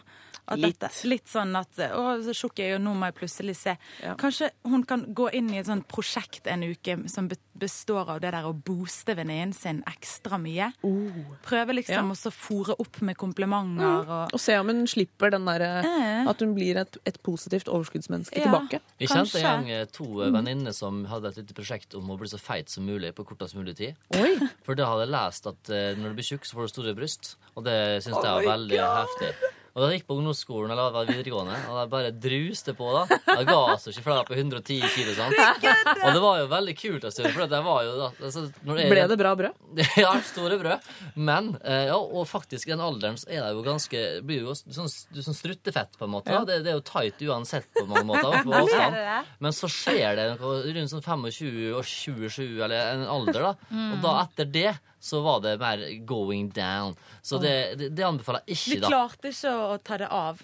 Nei, Det går ikke an å ta 110 kilo sånn uten at det får en viss konsekvens. Ja, du må jo eh, jobbe hardt for det, da. Jeg vet ikke helt hvorfor det det var en sånn protest mot sylfidesamfunnet eller noe sånt. Det var sikkert kjempebra, da, men eh, Uff, de var sikkert sånn eh, Ja. Nå skal jeg si noe som kunne være veldig støtende. Det skal jeg ikke si. Jo, jo, jo. Men, eh, men jeg Det hørtes ut som en fryktelig dårlig idé. Ja, Ikke det gjør var jo en fryktelig dårlig idé. Jeg vet ikke helt hvorfor vi kom på det, men altså, to venninner som bor sammen, kan finne på veldig Ja. mange dårlige ting sammen. Don't go there. Og så Begynne å høres det ut på som en katter. unnskyldning som noen som er veldig tjukk, kunne ha sagt. Ja. Ja, for det var et sånt veddemål. Ja. Ja. Mari, det må dere ikke finne på. Eh, Men prøv en liten ekstra selvtillitsboost eh, på venninnen din. Nei, flytt fra henne. Eventuelt er jo flytting alltid et alternativ, som Gaute skyter inn her. eh, Eller å faktisk eh, fortsette å bo sammen, men da med et eh, innflytter eller to av det motsatte kjønn. Yes. Det blir jo billigere ofte å bo sammen eh, tre-fire stykker òg. Det er det ingen tvil om. Åh, oh, Mari, vi vil gjerne høre hvordan, hva du finner ut at du skal gjøre. Det syns vi er eh, alltid veldig motiverende eh, å, å høre fra de som får råd. Det er P31987 eller lralfakrøll.nrk.no. Her får dere Rise med Dream On. Lørdagsrådet på P3. The radio has expressed concerns about what you did last night med Superfamily. Og før det ja, er det en, eh, en personlig favoritt. Det er en av de, ja. Ja. Jeg bodde i Stavanger noen år, og eh, dette var den sangen som kom hver gang vi var på Checkpoint, Oh. eh, Charlie, og eh, vi danset opp ned på dansegulvet til denne sangen. her. Da blir man glad i en låt. Man blir veldig glad, Ja, og så ja, ja. mange fine minner. Og Så er det litt sånne en sommerlåt òg, føler jeg. Helt klart. Eh, før det så var det faktisk Rise med Dream On. En fin låt, det òg, vil jeg si. Eh, vi pleier å gi gjestene et par spørsmål som eh, lytterne har sendt inn. Eh, Gabrielle, jeg kan egentlig starte med deg, da. Eh, det er en som lurer på Du skriver tekster på norsk. Eh, er det lettere eller vanskeligere enn å skrive på engelsk? Akkurat nå er det lettere. Ja. Jeg er nok inne i en sånn eh, periode der jeg eh, Alle tankene mine kommer på Jeg tenker jo på norsk. Ja. Så det er på en måte det som Siden jeg begynte å skrive på norsk, så var det derfor. Fordi at jeg skrev ned det jeg følte uten å oversette det til engelsk. da. Eh, Så nå når jeg har skrevet såpass lenge på, på norsk, så syns jeg faktisk det er litt vanskelig å gå over på, eh, på engelsk. Har du skrevet noen engelske låter? ja, jeg, har skrevet en del på engelsk. Det var det jeg gjorde før jeg begynte med norsk. Og så innimellom så skriver jeg litt på engelsk, fordi at jeg syns det er et, et veldig fint eh, språk. Og eh, det er jo litt mer sånn vokaler, og det, fi det lyder jo litt finere. Og spesielt når jeg har sunget mye soul og gospel i, i mine tidligere dager, så er det på en måte eh, et språk som klinger veldig fint, da. Når man har litt den der. der. Men Men det med at man tenker på norsk, det gjelder vel, meg, det gjelder vel alle artister Ja. fra Norge, gjør det ikke Nei, det? det gjør ikke. For har du bodd i England Jeg bodde i England et par år og gikk på den skolen der, og da eh, begynte jeg etter hvert Du mener Paul McCartney-dypet? er du fløy for å si at du gikk på Paul McCartney? Ja, Jeg synes det er kult, kult, Ja, jeg er ikke flau for det, men jeg er ikke, sånn, skal ikke dra det fram alltid. Men skulle bare si at da snakka jeg Da snakka jeg ikke jo bare- Jeg tenkte å søke der en gang, faktisk. Ja, du kunne sikkert hatt godt av å vært der. Det er veldig bra for business skills. Thanks. Ja, men sånn derre pisken, da. Det- ikke tro at du får noe gratis, og ikke kom her og vær stjerne og sånn. Og det er ikke ikke ja. du plaga med uansett. Altså, sånn så har jeg ikke godt av det. Men det er fett å bare se at folk fra Japan er flinke, der òg. Og så tenker jeg oi, shit, du må være veldig flink for å lykkes, egentlig. Ja. Uh, men det var ikke det som var poenget. Poenget var at vi snakka på engelsk eh, mye, Ja. og da begynte jeg etter hvert å tenke på engelsk. Sånn, så det, Det jeg, ja, og var, jeg var en eh, ja, Jeg tenkte ikke hele tiden på engelsk, men det er litt der når du har vært over lengre tid i USA, for eksempel, -hmm. eller England. Så blir det sånn at du liksom, du er vant med å snakke sånn, og da blir det sånn at du automatisk tenker det litt òg. Jeg kunne tenkt, tenkt meg en sånn tur, jeg. Fordi jeg er nesten nå i helt motsatt situasjon. At hvis noen ringer meg fra utlandet, så, så er jeg mute, nesten. Ja, jeg jeg klarer det, jeg ikke. Jeg, jeg, jeg har tenkt det å flytte til et eh, sted der de snakker eh, engelsk. Ja, for min del kunne det godt bare vært norsk musikk på P3, så hadde jeg klart å lese låttitlene på en litt bedre måte. Men når jeg reiser ut i verden, og så Ah. drar du til Thailand, for eksempel, så begynner du å snakke sånn engelsk som de snakker. Det er så Smittsomt! Og så er Australia som begynner å dra på så det det For det har jeg opplevde opplevd USA. Yeah, totally, you know. Ja. So very cool. Radical. Og så kommer du til England så bare Well, you know, my name is Gabrielle. Ja. Altså, det er jo helt teit. Dere lar dere påvirke. Ja, men dere spør én ting angående spørsmålet Ja, til eh, Gabrielle. Om, selvfølgelig. om, for jeg lurte på Hvordan starta du å skrive en sang? Altså, hva er først, altså, Begynner du med første setninga, eller begynner du med refrenget? Eller begynner du midt inni, eller hvordan gjør du det? Det varierer utrolig. For det noen ganger så er det bare det at jeg skriver ned en, en følelse som jeg Altså et eller annet som jeg tenker, da. Det er sånn noe som opptar meg akkurat da, eller noe jeg kommer på. Det veldig varierer sånn. Så skriver jeg det ned, og så kommer jeg hjem, og så begynner jeg også gjerne Lager jeg jo musikk i Logic hjemme. Jeg har sånt lite studio hjemme. Og så kan det hende at jeg begynner også å utvikle et riff eller et eller annet. Eh, og så eh, kommer den setningen som jeg hadde skrevet ned, og så begynner jeg å liksom jobbe videre på det. da. Men det varierer veldig. Og så noen vet vi jo erfaringsmessig at da, da blir det jo en monsterhit, eh, det du, du er, sitter det og ofte, lager. er det ofte jeg-modus? Sånn derre Jeg gikk en tur på parken Eller er det mer sånn jeg gikk en tur på parken La, la, la, la. Er det litt den du Nei, jeg vet ikke. Er, er det det? Er det sånn, sånn eh, Norge er et fuckland. Eh, eller Det er veldig mye sånn Kollektivtrafikk, nå går det under. Nei da, men det er veldig ofte sånn Nei, det trenger ikke alltid være jeg, meg og Nei. sånne ting. Men det er jo veldig sånn når tingene jeg skriver er noe som jeg har erfart sjøl, og det er gjerne en situasjon som jeg er i, eller noe sånt, så kan det fort bli litt sånn eh, jeg. Eh, men men det varierer. Nå i det siste har jeg faktisk kommet inn i et spor der jeg ikke har skrevet bare om kjærlighetssorg. Shit. Og det kan fort eh, by på Av åpenbare årsaker, da? Ja. Jeg tror altså at jeg har, det, har hatt det litt for bra litt Ja. for lenge. Å, det er. Så nå, nå må jeg nødt til å treffe en som kan eh, knuse hele meg, Ja. eh, og så kan jeg lage et nytt album. Ja, det det er faktisk sånn det er å være popartist. Man må liksom ned i kjelleren for å klare å produsere. Eh, Gaute, vi har eh, et spørsmål til deg også. Eh, en som skriver eh, Hvor gammel er du egentlig? Det også kan vi ta etterpå. Eh, Gaute, du har vært med på veldig mange programmer gjennom årene. Hva har vært det morsomste? Du vet du hva, Det er, er helt sant. Det har vært med mange program, og jeg vil faktisk trekke fram et av de første jeg gjorde på TV 2. Jeg gjorde 400 av dem. Det var Sone 2. Det er ti år siden. Du husker det? Ja, så var Yes! to, ja. Var det ditt første program? Ja, første skikkelige program. Så da gjorde vi det var sånn daglig talkshow fra halv fem til fem på TV 2 i gamle dager, som sannsynligvis mange ikke husker den dagen, men noen husker det, og det er veldig hyggelig, for da gjorde vi rare ting. Kyssa Samantha Fox.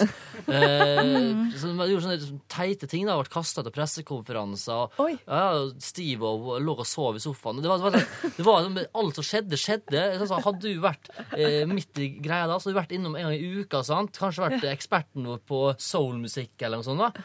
Det var så, veldig hyggelig, rett og slett. Ja, det var, var en stor gjeng, og vi jobba døgnet rundt. Vi var to og et halvt år der vi ikke møtte venner fordi vi bare var på jobb. Ja. Og det er ikke så positivt, e- egentlig, men jeg har blitt veldig kjent med Norge og tura opp og ned på alle festivaler og sånn, og det var en veldig, veldig hyggelig tid. En intens tid. Ja, og jeg har vært veldig flink til å lage den type ting, da. Ja. Sone 2, ja. Mm.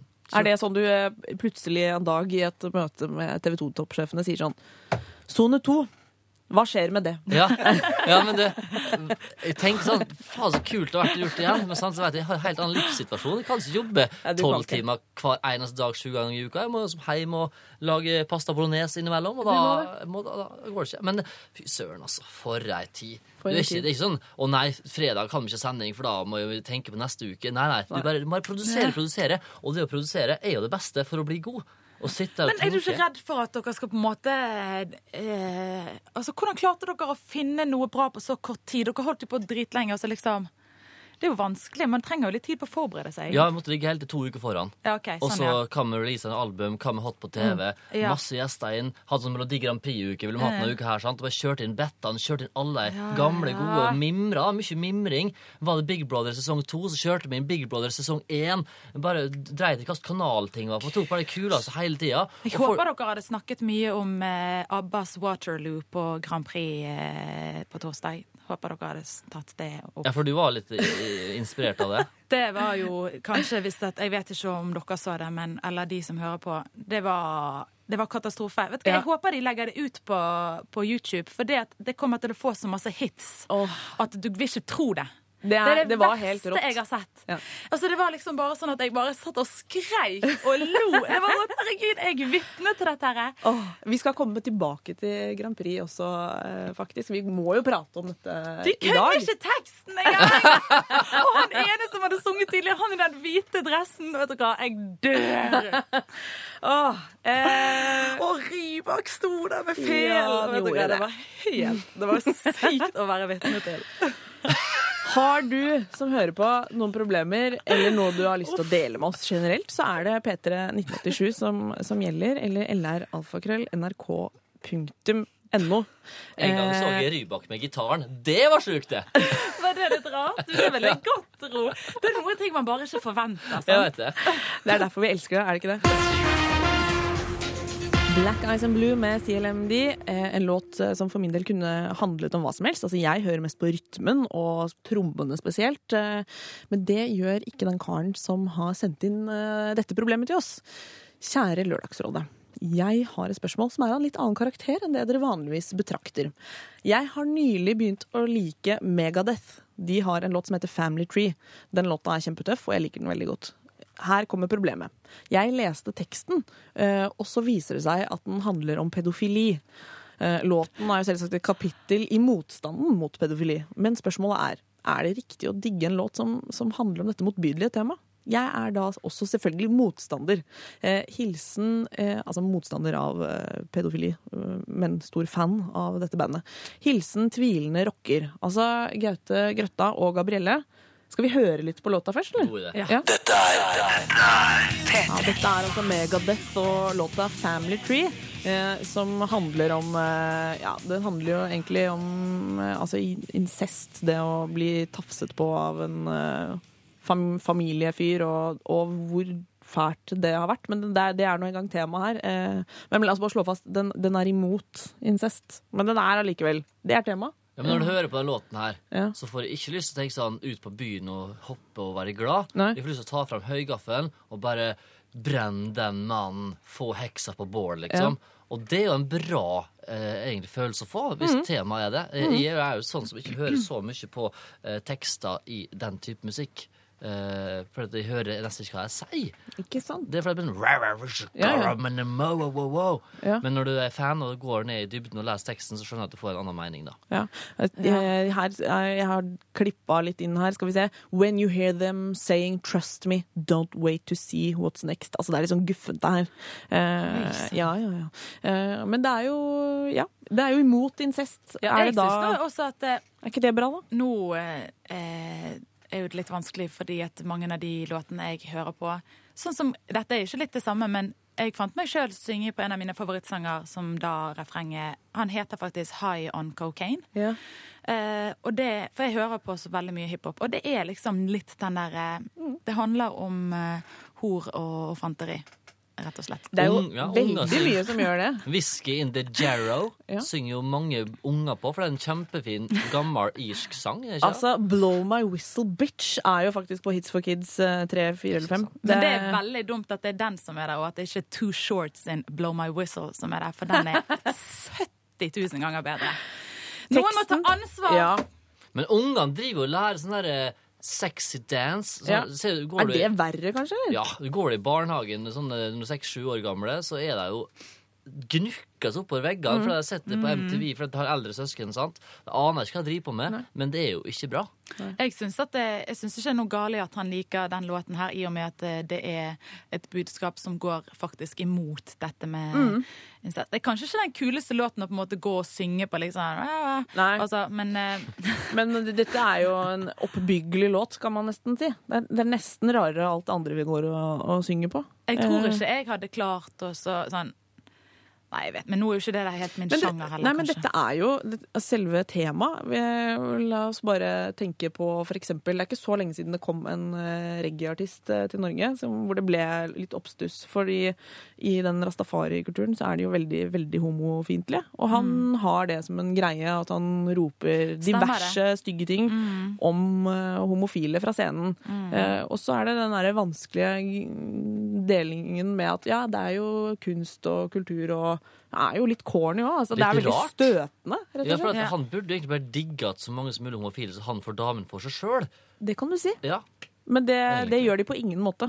Eh, og da ble det faktisk sånn at eh, dette Ja, det ble noe sak om det. at, eh, noen eh, Det var spørsmål om man skulle få lov å holde konserten eller ikke. Fordi det ble sånn, sammenlignet med Vi, vi har jo ikke sånn eh, skinhead-bands eh, som, som kommer på Rockefeller og, og synger om at jødene må vekk. Så Nei. hvorfor skulle man plutselig godta at en cool, laidback eh, jamaikaner sa at eh, homofile tre eh, fortjener å dø?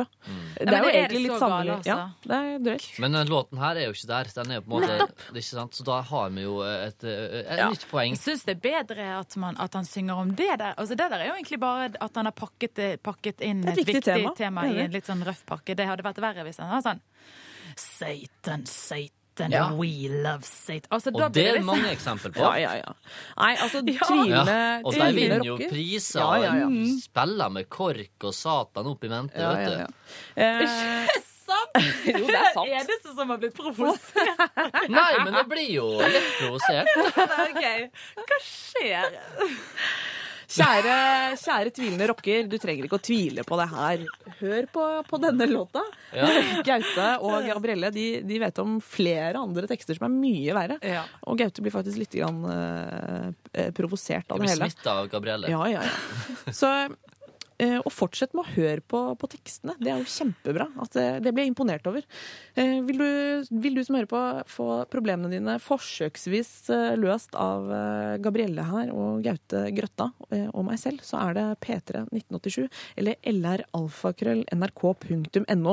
Så kommer det inn, og vi tar tak i det og lufter det og løser det. Vi er veldig løsningsorienterte. Nå er det veldig viktig at eh, alle de som på en måte hører på, tar hensyn til det at jeg har eh, bare aldri gjort noe riktig i kjærligheten.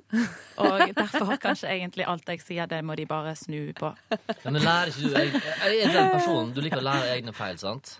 Ja, jeg gjør jo det. Men eh, Jeg prøver å gjøre det, men mitt problem er at jeg, jeg sjelden husker hva jeg gjorde feil sist. Nei, jeg vet det. Går i samme Og så er det veldig sånn så aldri, aldri gjør det som jeg sier til andre. Hvis at noen venninner har problemer, så sier jeg gjerne sånn Ja, men du vet jo at du må nødt til å gjøre sånn. Og så når jeg kommer i situasjonen sjøl, så bare er jeg helt ute. Gabrielle, det er veldig vanlig, og det er okay. faktisk lov. Phew. Uh, ja.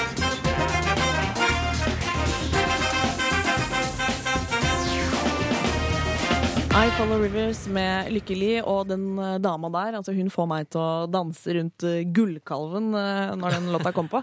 Blir helt hypnotisert av den låta. Han er, han er fin. Den er rå. Den er veldig fin. Ja. Før det så var det Oasis med Don't Look Back In Anger.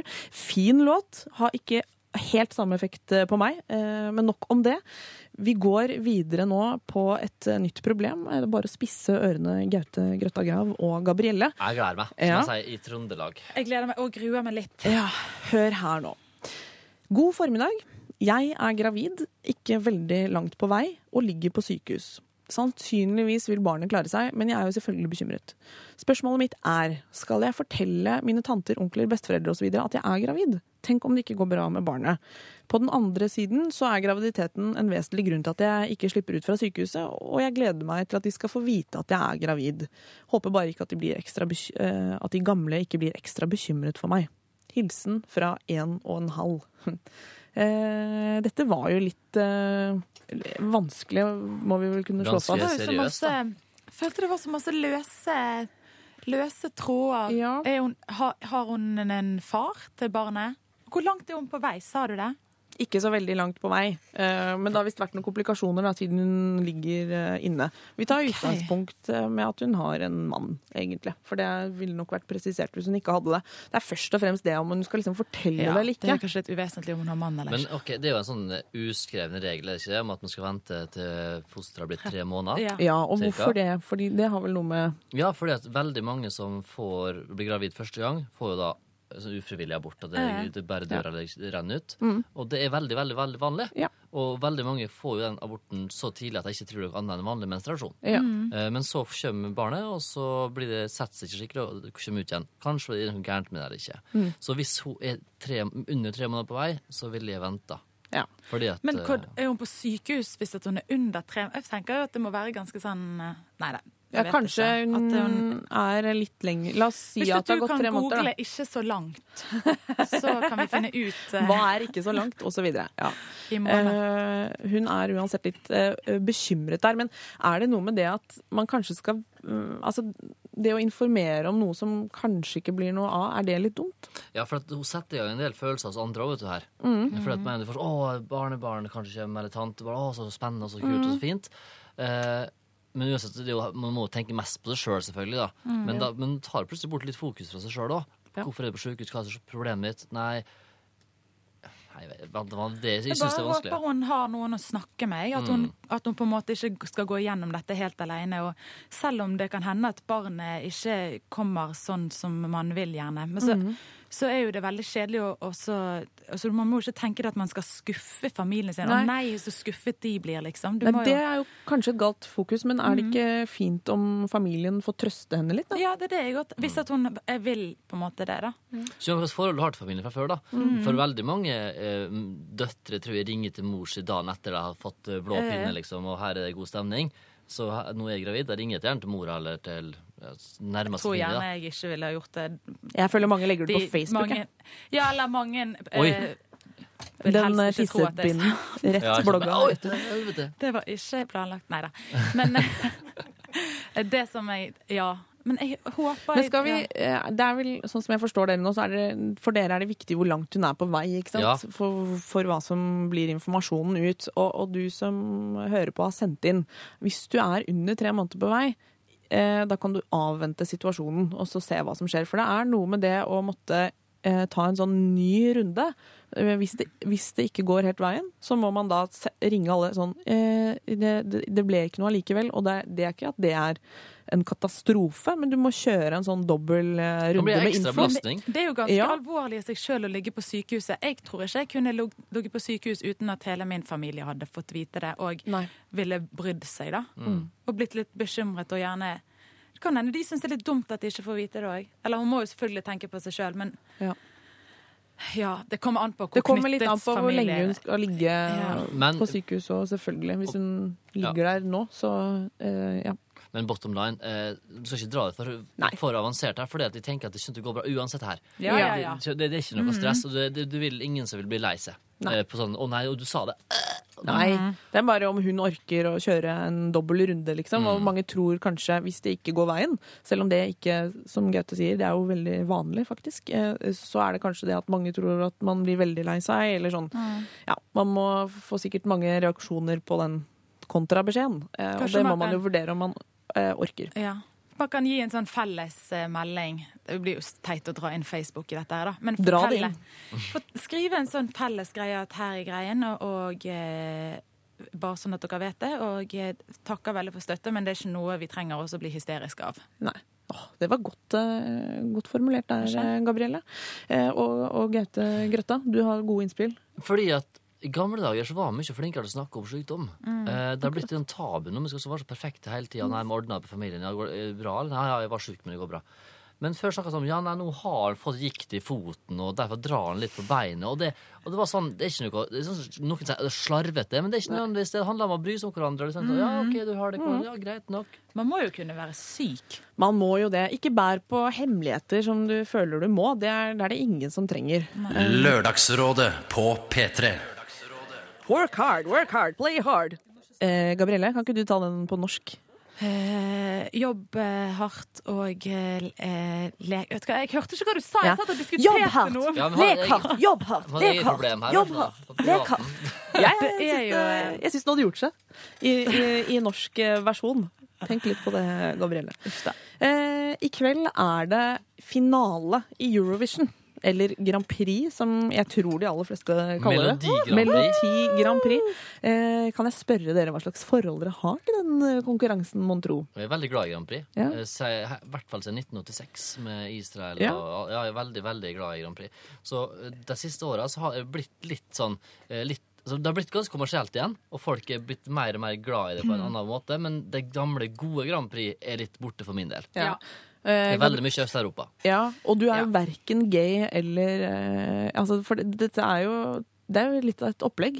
Gabrielle, du som er musiker, hva tenker du? Er det Eh, musikk du bryr deg om? Gaute er jo musiker, han Han òg. er Ja, egentlig men jeg er ikke så utøvende. Jeg kan ikke kalle ham det. Det irriterer meg selvfølgelig veldig stort, men jeg kan ikke være best på flere ting samtidig. Nei. Men jeg er, det meg og Grand Prix, vi er jo veldig sånn Nei, hva skal jeg si? Jeg syns at det er gøy å se på noen ganger, men jeg blir litt sånn Det gir meg ingenting. Det, gir meg, det er litt sånn klovne- klovneparade. Ja, men, men jeg syns jo det er gøy når du hører en låt som på en måte Å ja, hei! Her er de inne på noe som kan kanskje være Men det er ikke så ofte det skjer. Men kunne du vært med i Grand Prix sjøl? Oh. Nå når jeg sitter her i 2012 på denne fine sommerdagen, så sier jeg eh, nei, for det passer ikke for meg nå. Og Nei. det er ikke noe jeg ser for meg jeg kommer til å gjøre med det første. Men jeg er en sånn person som det blir så teit å sitte og si sånn nei, det der skal jeg aldri gjøre. Man vet jo aldri. Nei, drøm er alltid drømt, og drømmer sterkt om å skrive en Grand Prix-låt. Ja, det- det. Så kanskje det... dere skal liksom ta en fem minutter etterpå, Var det det du mente nå når du spurte om jeg skulle være med? Nei, men fuck that, for jeg tenker sånn at livet er kort, og du må gjøre mest mulig innenfor det livet, da. Og så må jeg ikke gjøre det, men jeg kan gjøre det. Og, og det er ikke nødvendigvis at jeg skal ha like Grand Prix 100% resten av mitt liv, men det har vært jævlig kult å skrive Grand Prix-låt som bare er så catchy at folk bare har den på hjernen, modulerer to-tre ganger. Det tror jeg det er veldig mange som tenker. At Ja. de har lyst til å skrive den låten som er supercatchy. Men er da Grand Prix liksom eh, eh, kanalen? Altså, fordi Ja, for jeg er- syns det lages så mye supercatchy låter, jeg. Eh, som i hvert Ja, fall men- ikke har noe med Grand Prix å gjøre. Der er det jo Det er ikke så mye catchy på Grand Prix, da, hvis vi kan Nei, si det. Nei, er vi ikke egentlig ikke litt sånn at det, det er. Og så eh, tenker jeg litt på de som når jeg satt og så på denne greien på torsdag, så tenkte jeg sånn Disse kom videre fra hvert land. Hva var det da som ikke kom Ja. videre? Det var noe. Det var noe. Eh, Men når Rybak eh, vant, så hadde jo Tone Damli en ganske fin låt med 'Butterflies', som jeg kunne faktisk gjort det ganske bra. Vet du hva? Det, det kan jeg si, det året Alexander Rybak vant, det, da satt vi og skreik på forspillet. Og vi elsket hele den sangen. det var en det fantastisk låten, det- opplevelse. I nymotens Grand Prix er det den låten som på en måte har bare Denne. Og så Den- går du tilbake til de det svinge og ABBA og sånn. Ja. Eh, Jeg følte jeg feiret eh, frigjøringen av Norge i 1945. Ja, Ja, da, Men vi da var Rybak litt vant. der. Men du, vet du hva Et av mine største øyeblikk. Jeg satt på grensa til Burma og jobba med gibbonape. Jeg fikk ikke med meg en dritt. Vi hadde ikke dekning i mobilen engang, så fikk vi vite fem dager etterpå. Å, Vi er du var midt i sånn gammel- Ja, ja. innspilling. Så det var litt trist, for at jeg skjønte at Du det var en enorm feiring. Eh, tror dere Tooji kommer til å gjøre det godt? Jeg tror ikke hun kommer til å vinne. Nei.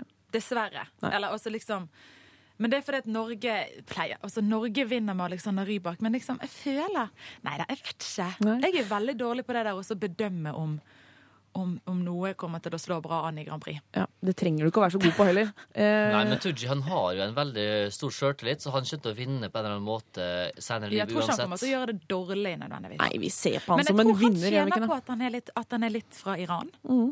Han er sånn eh, Ja, han minner jo om eh, Altså, de, han kunne jo vært tvillingbroren til Aylar, en av de peneste i Norge. Så håper vi at, eh, at alle får god monitoring. Ja, Ja, for det var litt surt i det har torsdag. vært vært tilløp til litt uh, off-key, kan vi si Ja, det og sånn. det Mm. må jeg bare få si til alle som hører på, at det er ikke fordi at han ikke kan synge, eller at de ikke nødvendigvis kan synge. Men det kan skje den beste, men det er ikke så gøy når det skjer på sånn når det på Grand Prix. Da er det gøy hvis at de synger rent. Men Når det er sånn 300 millioner som hører på, eller hva det er for noe. Ja. Men det er jo Aserbajdsjan, da. Du kan ikke forvente at alt går på skinner, liksom. Nei. Det er greien de har bygd, det er jo helt sykt. Ja, det, det, det, kasta jo folk ut av heimene sine. Det er Ja. Sprøtt! Og så er det Aserbajdsjan. Er De har, altså, de har altså dratt på med alt eh, som fins av overdådig stæsj, men lyd i monitor, det har ikke vært prioritert. Men det er ikke ikke så lett, da. Nei, det er ikke så lett. Sånn inner, Det er kanskje første gang for mange av de. Nettopp. Og det, det må vi som publikum ta høyde for. Men kanskje de skal bare begynne å tune det litt. Men du burde ikke Sissel Kyrkjebø autotune en stund? Eh, live? Gjorde hun det? Ja, det hadde sånn midi-maskin som gikk bak, så fulgte tonen sånn. For du bare drar på høyt sånn. Mener du det? Jeg, jeg vet ikke om jeg mener det, men jeg, jeg har hørt det. Det kan skje den beste, Hun hadde det altså. ikke på Den lille havfruen. Vi Det skal eh, Nei, høre jeg vet ikke. Ja, men på platen, ja. Det var så fint. Ja, det er kjempe. Men Sissel Kyrkjebø er jo et ikon. Men når til og med Ja. hun kan synge surt Morten Harket kan synge surt. Det er fantastisk flinke sangere. Visste du at Morten Harket har eh, healere på monitorene sine? Hallo, nå må, teknik, nå må teknikeren inn her. Nå må, nå må dere slutte. Nå må vi høre, vi høre låt. Ja, Vi skal eh, Altså, Grand Prix, det er engasjerende, og i kveld eh, braker det løs. Eh, før den tid så skal vi høre på en annen som bare måker på. Det er Nicki Minaj med Starships. Lørdagsrådet. Problemene de renner inn her en vakker solskinnsdag. Det er altså folk som kaver i mørket, selv om det er så fint ute. Og Gaute Grøtta Grav og Gabrielle de er nå et slags sånn lys i tunnelen for de som trenger det. Og så er vi jo med ut på stranda. I det tusen strenders land. Ja, det er Norge. sant. Du vet ikke det at det er noen som er på stranda og hører på nå? Jo, for jeg fikk en tekstmelding. Jeg Ja, sitter her på stranden og hører på dere. Dere er så flinke at det. Takk skal Det du ha. Ja. Hei, ingen eh, du som sitter der og har vurderer å ta deg en runk fordi du sitter og ser på noen deilige damer. Det er ikke lov på stranden! Gabrielle, du er altså veldig mye mer aktuell enn du tror nå. For det neste problemet handler om Å, dette, vil jeg egentlig si. Ok. Eh, hei, Lørdagsrådet. Jeg er i et forhold med verdens herligste mann, og vi har vært sammen siden begynnelsen av sommeren i fjor. Vi har nylig flyttet sammen, og jeg har tatt meg den friheten å kaste pornofilmene hans. Dette ledet da selvfølgelig til diskusjon, der han mener at han aldri skal slutte å se pornofilmer. Og jeg mener at han burde ha evig nok med meg. Jeg har aldri vært i et så seriøst forhold før, og tidligere kjærester har ikke hatt samme interesse for porno som han. Jeg er ikke en prippen jente, men jeg syns porno er utrolig usmakelig. Er dette noe jeg bare må godta, eller har jeg grunn til å reagere? Trenger råd? Hilsen Sara på 23. Porno eller ikke porno, det er spørsmålet. Og med fare for å tråkke rett inn på soverommet til Gaute Grøtta og, og Gabrielle. Hva syns dere Sara skal gjøre?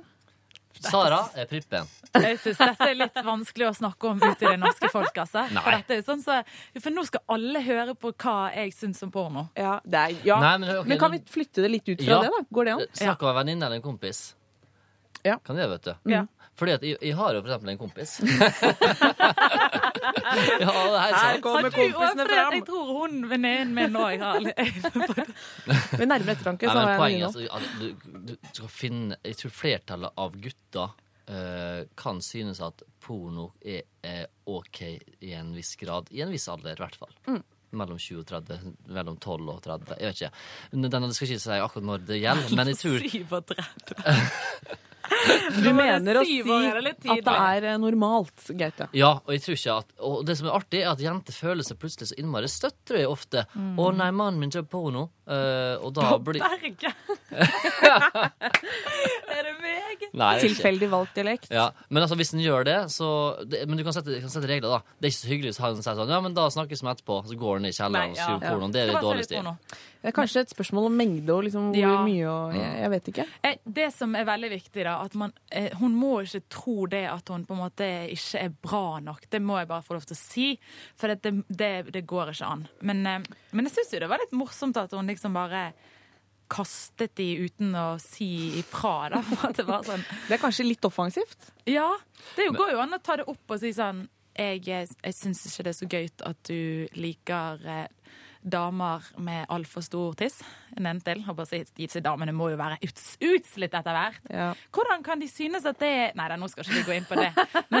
Det er mange, eh, det er mange diskusjoner i, i, den, i denne problemstillingen. Mm. Sara har liksom tatt grep, og syns, men det virker også som hun er litt usikker på om hun egentlig skal liksom eh, Hun sier at hun ikke er prippen, men hun syns det er usmakelig. Og så er dette noe jeg Ja, bare det må kan hun godta. synes. Men Ja. hvis Ja. han eh, ser på porno når hun ikke er der, Ja. så er ikke det et problem. Det er ikke noe han trenger å holde skjult for hun tenker jeg, for det blir bare det blir dumt. Men han- trenger man liksom pornofilmer nå lenger? Det er jo, Nei, det han kan jo godt se på altså Han ser, bruker jo sikkert nett altså det, Hun kommer aldri til å klare å liksom ta denne ta, liksom Sette ned foten og si Det er sånn sant. Du får aldri lov til å se Han kommer Du- til å gjøre det uansett. Du mener Gabrielle, at det å kaste liksom VHS-er med porno betyr ikke at eh, han ikke liksom klikker seg inn til det uansett? Nei, Nei, det var imponerende at han hadde pornofilmer, syns jeg egentlig. Det var Ja. nesten sånn, Men det var er, vel, det er så fryktelig vanlig.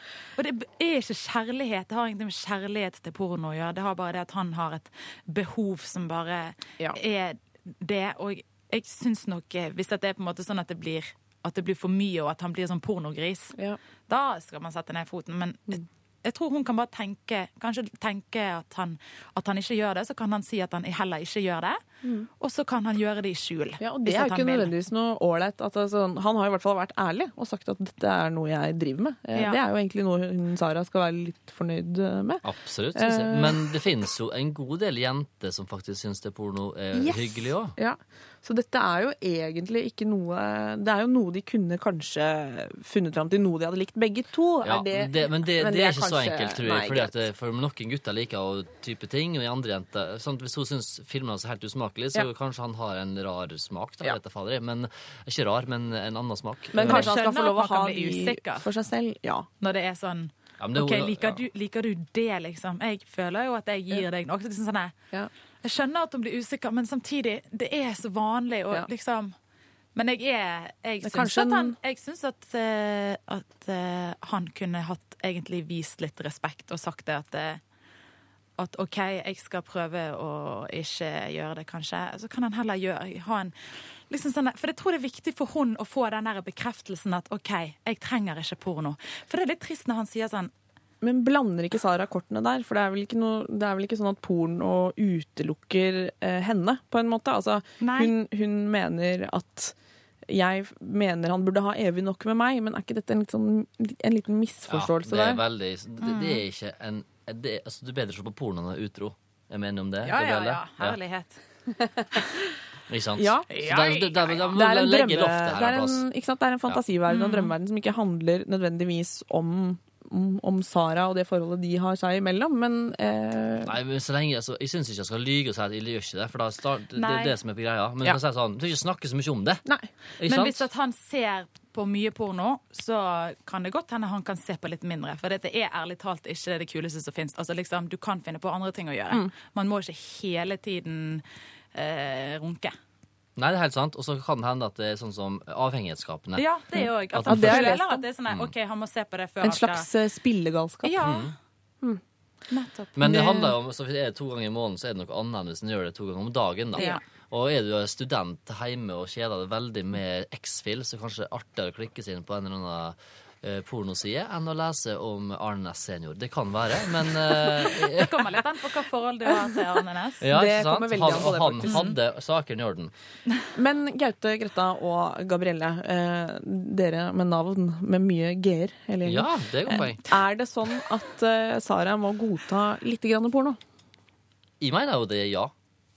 Og du syns det er så vanskelig. Ja, Gabrielle synes det er vanskelig. jeg selv, jeg har vært i forhold der jeg sjøl har vært eh, faktisk sånn som hun. At jeg har, mm. jeg har liksom funnet en film under madrassen! Jeg kødder ikke! Det sånn som du ser fra gamle dager. sant? Det høres ut som gamle dager. Jeg har jo tydeligvis leitet etter denne filmen. Så fant den under madrassen. Nei, nei, men da blir det sånn herre Jeg tenkte med en gang Å, herregud. Ja. Liksom, nå er det over og ut, og nå er det ikke meg lenger. Og at han liker ikke meg og alt det der. Men det er jo ikke det som er tilfellet. Så jeg vil ikke Jeg er jo egentlig imot porno, men jeg, jeg vil ikke si Det Det er ikke vits å at overdramatisere Nei. hva det er. Det er ikke det. Kanskje. La oss snu litt på det. Jenter Og jeg må da se på den nye Twilight-filmen. Eh, Hvorfor det? da? For det er så jævlig deilig, den der Edvard-vampyren. Sant? Det er ikke derfor. da- Jo, ser sier det. Og så sånn der, å ha. McDreamy i der eh, Hva heter han den der eh, Hospital. Ja, det heter Grace Anatomy. Ja, ikke sant? Her det har Grace Anatomy, der har du McDreamy. Og det er jo grunnen til at damen ser på det, fordi de vil ligge med han McDreamy. Hør på deg! Du tror det fordi at du er mann, men det er ikke sånn. Nei, er du litt sjalu? Ja, sant? Og da kunne du blitt sjalu, men jeg tenker sånn La nå damen kose seg med McDreamy, da. Ja, du er litt raus på Sånn den. at du kan kose deg med porno? Selvfølgelig. Fordi du sidestiller de to tingene. Ja. McDreamy i Ace, Ace Ventura. I Grace Anatomy. Det er det samme som en dame som blir penetrert i alle hull. Nei, men det er ikke an på hvilken type porno han liker, da. Ja. Selvfølgelig. Noen liker kanskje sånn Pluss vi liker litt sånn Grace porno. Pluss at vi skal ikke slå fast eh, Vi skal ikke, manifest, vi skal ikke liksom støpe de kjønnsrollene i sement og si at eh, ingen jenter ser på porno, og bare ser på såpeopera, og gutter ser på porno og ikke ser Nei. på såpeopera. Er De kommer, i mange, det. ja, de kommer i mange varianter, men Sara, du må nok eh, du har, du har på en måte ikke noen grunn til å reagere, med mindre dette er et såkalt overforbruk. Jeg lurer på hva han hadde sagt hvis at hun hadde begynt å liksom Kanskje hun seg, Oi! Kjøpt seg en sånn eh, DVD, sånn porno med sånn, mm, bare sånn barske mannfolk. Og Ja, ja, ja, Se hvordan han hadde, om han hadde syntes det var litt sånn Oi, har ikke hun nok med Ja. meg? Sara, du kan bunkre opp med noen skikkelig kinky toys i sånn oversized version. Se om det funker. Sara. Sara. Nei, det blir for komplisert. ja, jeg trekker det litt tilbake. Men, uh... Nei, men altså, hvorfor skal man være så innmari sånn der Vi driver på med mye greier. Kan ikke bare folk få holde på med det de vil? Og så er vi så lenge det ikke er ulovlig. Er ikke det ok? Ja, jeg, jeg, jeg tenker det. Porno er jo litt ulovlig, ikke det? egentlig? Eh, Ulovlig. Uh, ulovlig, er ikke det sånn norske regler jo, mot ikke for, et å eller annet? vise det i Norge er ikke lov. Men eh, Nei, det er vel okay. lov i andre land. Så man... Nei, Nei, dette ble vanskelig. Men Sara, at, ja. ikke bland, eh, ikke bland uh, alt inn i en stor eh, saus. Eh, hans pornokonsum har ikke nødvendigvis noe med, med deg å gjøre, og hva du tilbyr og ikke gjøre. Og Og, ikke tilbyr. Ja. Fordi uh, her er det sånn at det er to litt forskjellige verdener, og meget mulig er din kjære veldig glad i deg, og også har et utbytte av denne pornoen ved siden av. Eh, har du noen eh, lignende eller helt annerledes problemer, så er det de vi er interessert i å få inn. Dette var faktisk dagens eh, siste som vi rekker å ta på lufta. Men du må gjerne sende oss eh, eh, mail på lralfakrøll.nrk.no, eh, så kan vi bruke det faktisk til neste sending, for det liker vi å gjøre. Lørdagsrådet på P3. Det var eh, Foo Fighters med Walk, og før det så var det Empire of the Sun med Walking on a Dream. Eh, nå har vi kommet fram til det tidspunktet i sendingen hvor vi skal dele ut en T-skjorte eh, til den som har eh, sendt inn eh, det problemet som rådgiverne ja, hva skal man si? Eh, har, har blitt kanskje mest engasjert i, eller altså, Dere har jo Gabrielle og, og Gaute Grøtta, dere har jo vært veldig engasjert i alle. Det, det skal vi jo ikke Det er helt tydelig. Men nå er det altså litt sånn at dere må ta et valg, og jeg kan prøve å oppsummere litt for dere, for det har vært mye. Det er en lang Altså, vi, vi graver oss jo ned i det ene og det andre. Eh, vi har vært gjennom hun eh, jenta på 24 som ikke har sett faren sin. Det har vi diskutert. Opp og ned og i mente. Kjæresten som ikke vil krangle på ordentlig eh, med kjæresten. Altså de som manglet krangelen. Eh, kollega som vet om en kollega som er utro. Det, det fikk jo sinne i kok her i studio. Eh, så hadde vi hun som bor sammen med bestevenninnen sin. Lurer på om hun skal fortsette med det. Eh, om det er riktig å digge en låt som handler om et skikkelig kjipt tema. Det har vi diskutert. Hun som ligger på sykehuset og er gravid litt tidlig i prosessen, skal hun fortelle om det? Veldig eh, tricky, det der. Eh, porno eller ikke porno, det har vært en opphetet diskusjon. Det, og det er vel det. Hva tenker dere? Nei, jeg står litt nå eh, imellom eh, Jeg syns det hadde vært hyggelig hvis hun på sykehuset hadde fått en, eh, en T-skjorte. Ja. Og så tenkte jeg, ble jeg vel, Men det som engasjerte meg mest kanskje her, var jo dette her når vi snakket om utroskap og sånn. Men så syns jeg ikke han egentlig fortjener en T-skjorte, hvis han ikke sier det. Eh, og da mener Ja, for jeg der var- Jo, men hør da, hvis vi sender T-skjorte til han som vet at kollegaen er utro, så sier han 'jøss, så fin T-skjorte du har fått'. Ja, hør her. Eh, det fikk jeg fordi at Gabrielle sa at jeg burde si til det. At, eh, så har det en måte inngang, da. Ja, Kanskje det. Ellers så syns jeg jo hun eh, mm, Også dette med krangling. Hun, han som bare møter grining når han vil krangle. Ja. Si. Det er jo litt sånn Kanskje han har godt av en T-skjorte, liksom. Kanskje han kan dra fram T-skjorta når tårene presser på. Hør nå her, nå fikk Ja. jeg det! ja, men det står ikke lokføreren på denne T-skjorta? Nei, det er ikke lokfører-T-skjorta. Er. Kan det, Det stå en- 'jeg vant'? Hva står jeg på, har hva står det på T-skjorta? Det står eh, Det står P3. rett. Det er helt vanlig PT-skjorte, ja. Og ikke helt vanlig sånn sett, det er eksklusivt. Men det står ikke sånn 'jeg er verdens beste mann' eller sånne ting. Det er P3-skjorte, ja. Ja, det er det. ja men da mista jo litt effekten med sånn jøss og, eller det er jo jøss og fin den nå, da. Skal ikke stå på det. Nei, Skal ikke stå på det. jeg eh, har fått eh, P3-T-skjorte og syns de er veldig fine. Ja. Ja, P3 Morgen-T-skjorte, da. Vet ikke om det er like bra. Jo, det er det. Ja. Jo, De er fine på hver sin måte. Ja. Eh, vi burde jo strengt tatt ha en Lørdagsrådet-T-skjorte. Det kjenner jeg nå. At det, det skal vi finne opp. Jeg, gjør det. Jeg har rett, burde Ja, stått på den hør på meg! Ja, Eller Det er jo jeg, framtida, det der. jeg har fått råd. Og da Ja, Jeg jeg, har fått lørdagsråd! ja, jeg har fått lørdagsråd, ja. Låt, låt, Det er, låt. nei det er kjempe, dette er kjempegode innspill. Jeg tar det med meg videre. Men hvem får? T-skjorta? Ja. Ja, Gabrielle skal Hva syns du? eh, men Ikke porno, sant? Nei, det blir for lett. Og gravid syns synd på henne. Ja. Nei, du bestemmer, du. Det skal jeg bestemme. Ja, det syns jeg er Hvem hyggelig. tenker jeg hadde hatt liksom mest glede? Jeg tenker at hun med gravid tidlig syk, som du har skrevet her, har eh, Jeg syns at hun fortjener litt denne T-skjorten, altså. Mm. Jeg vet ikke. For at jeg syns det er trist at hun er på sykehus. Nei, men eh, Og så kanskje da hun er nødt til å fortelle familien hvis hun får Ja. den T-skjorten sånn Ja, jeg fikk den, og så Ja, var det Ja, hør her. Vi går for det. Vi skal sende en T-skjorte hennes vei. You can thank me later. ja, hun kommer til å eh, bli glad.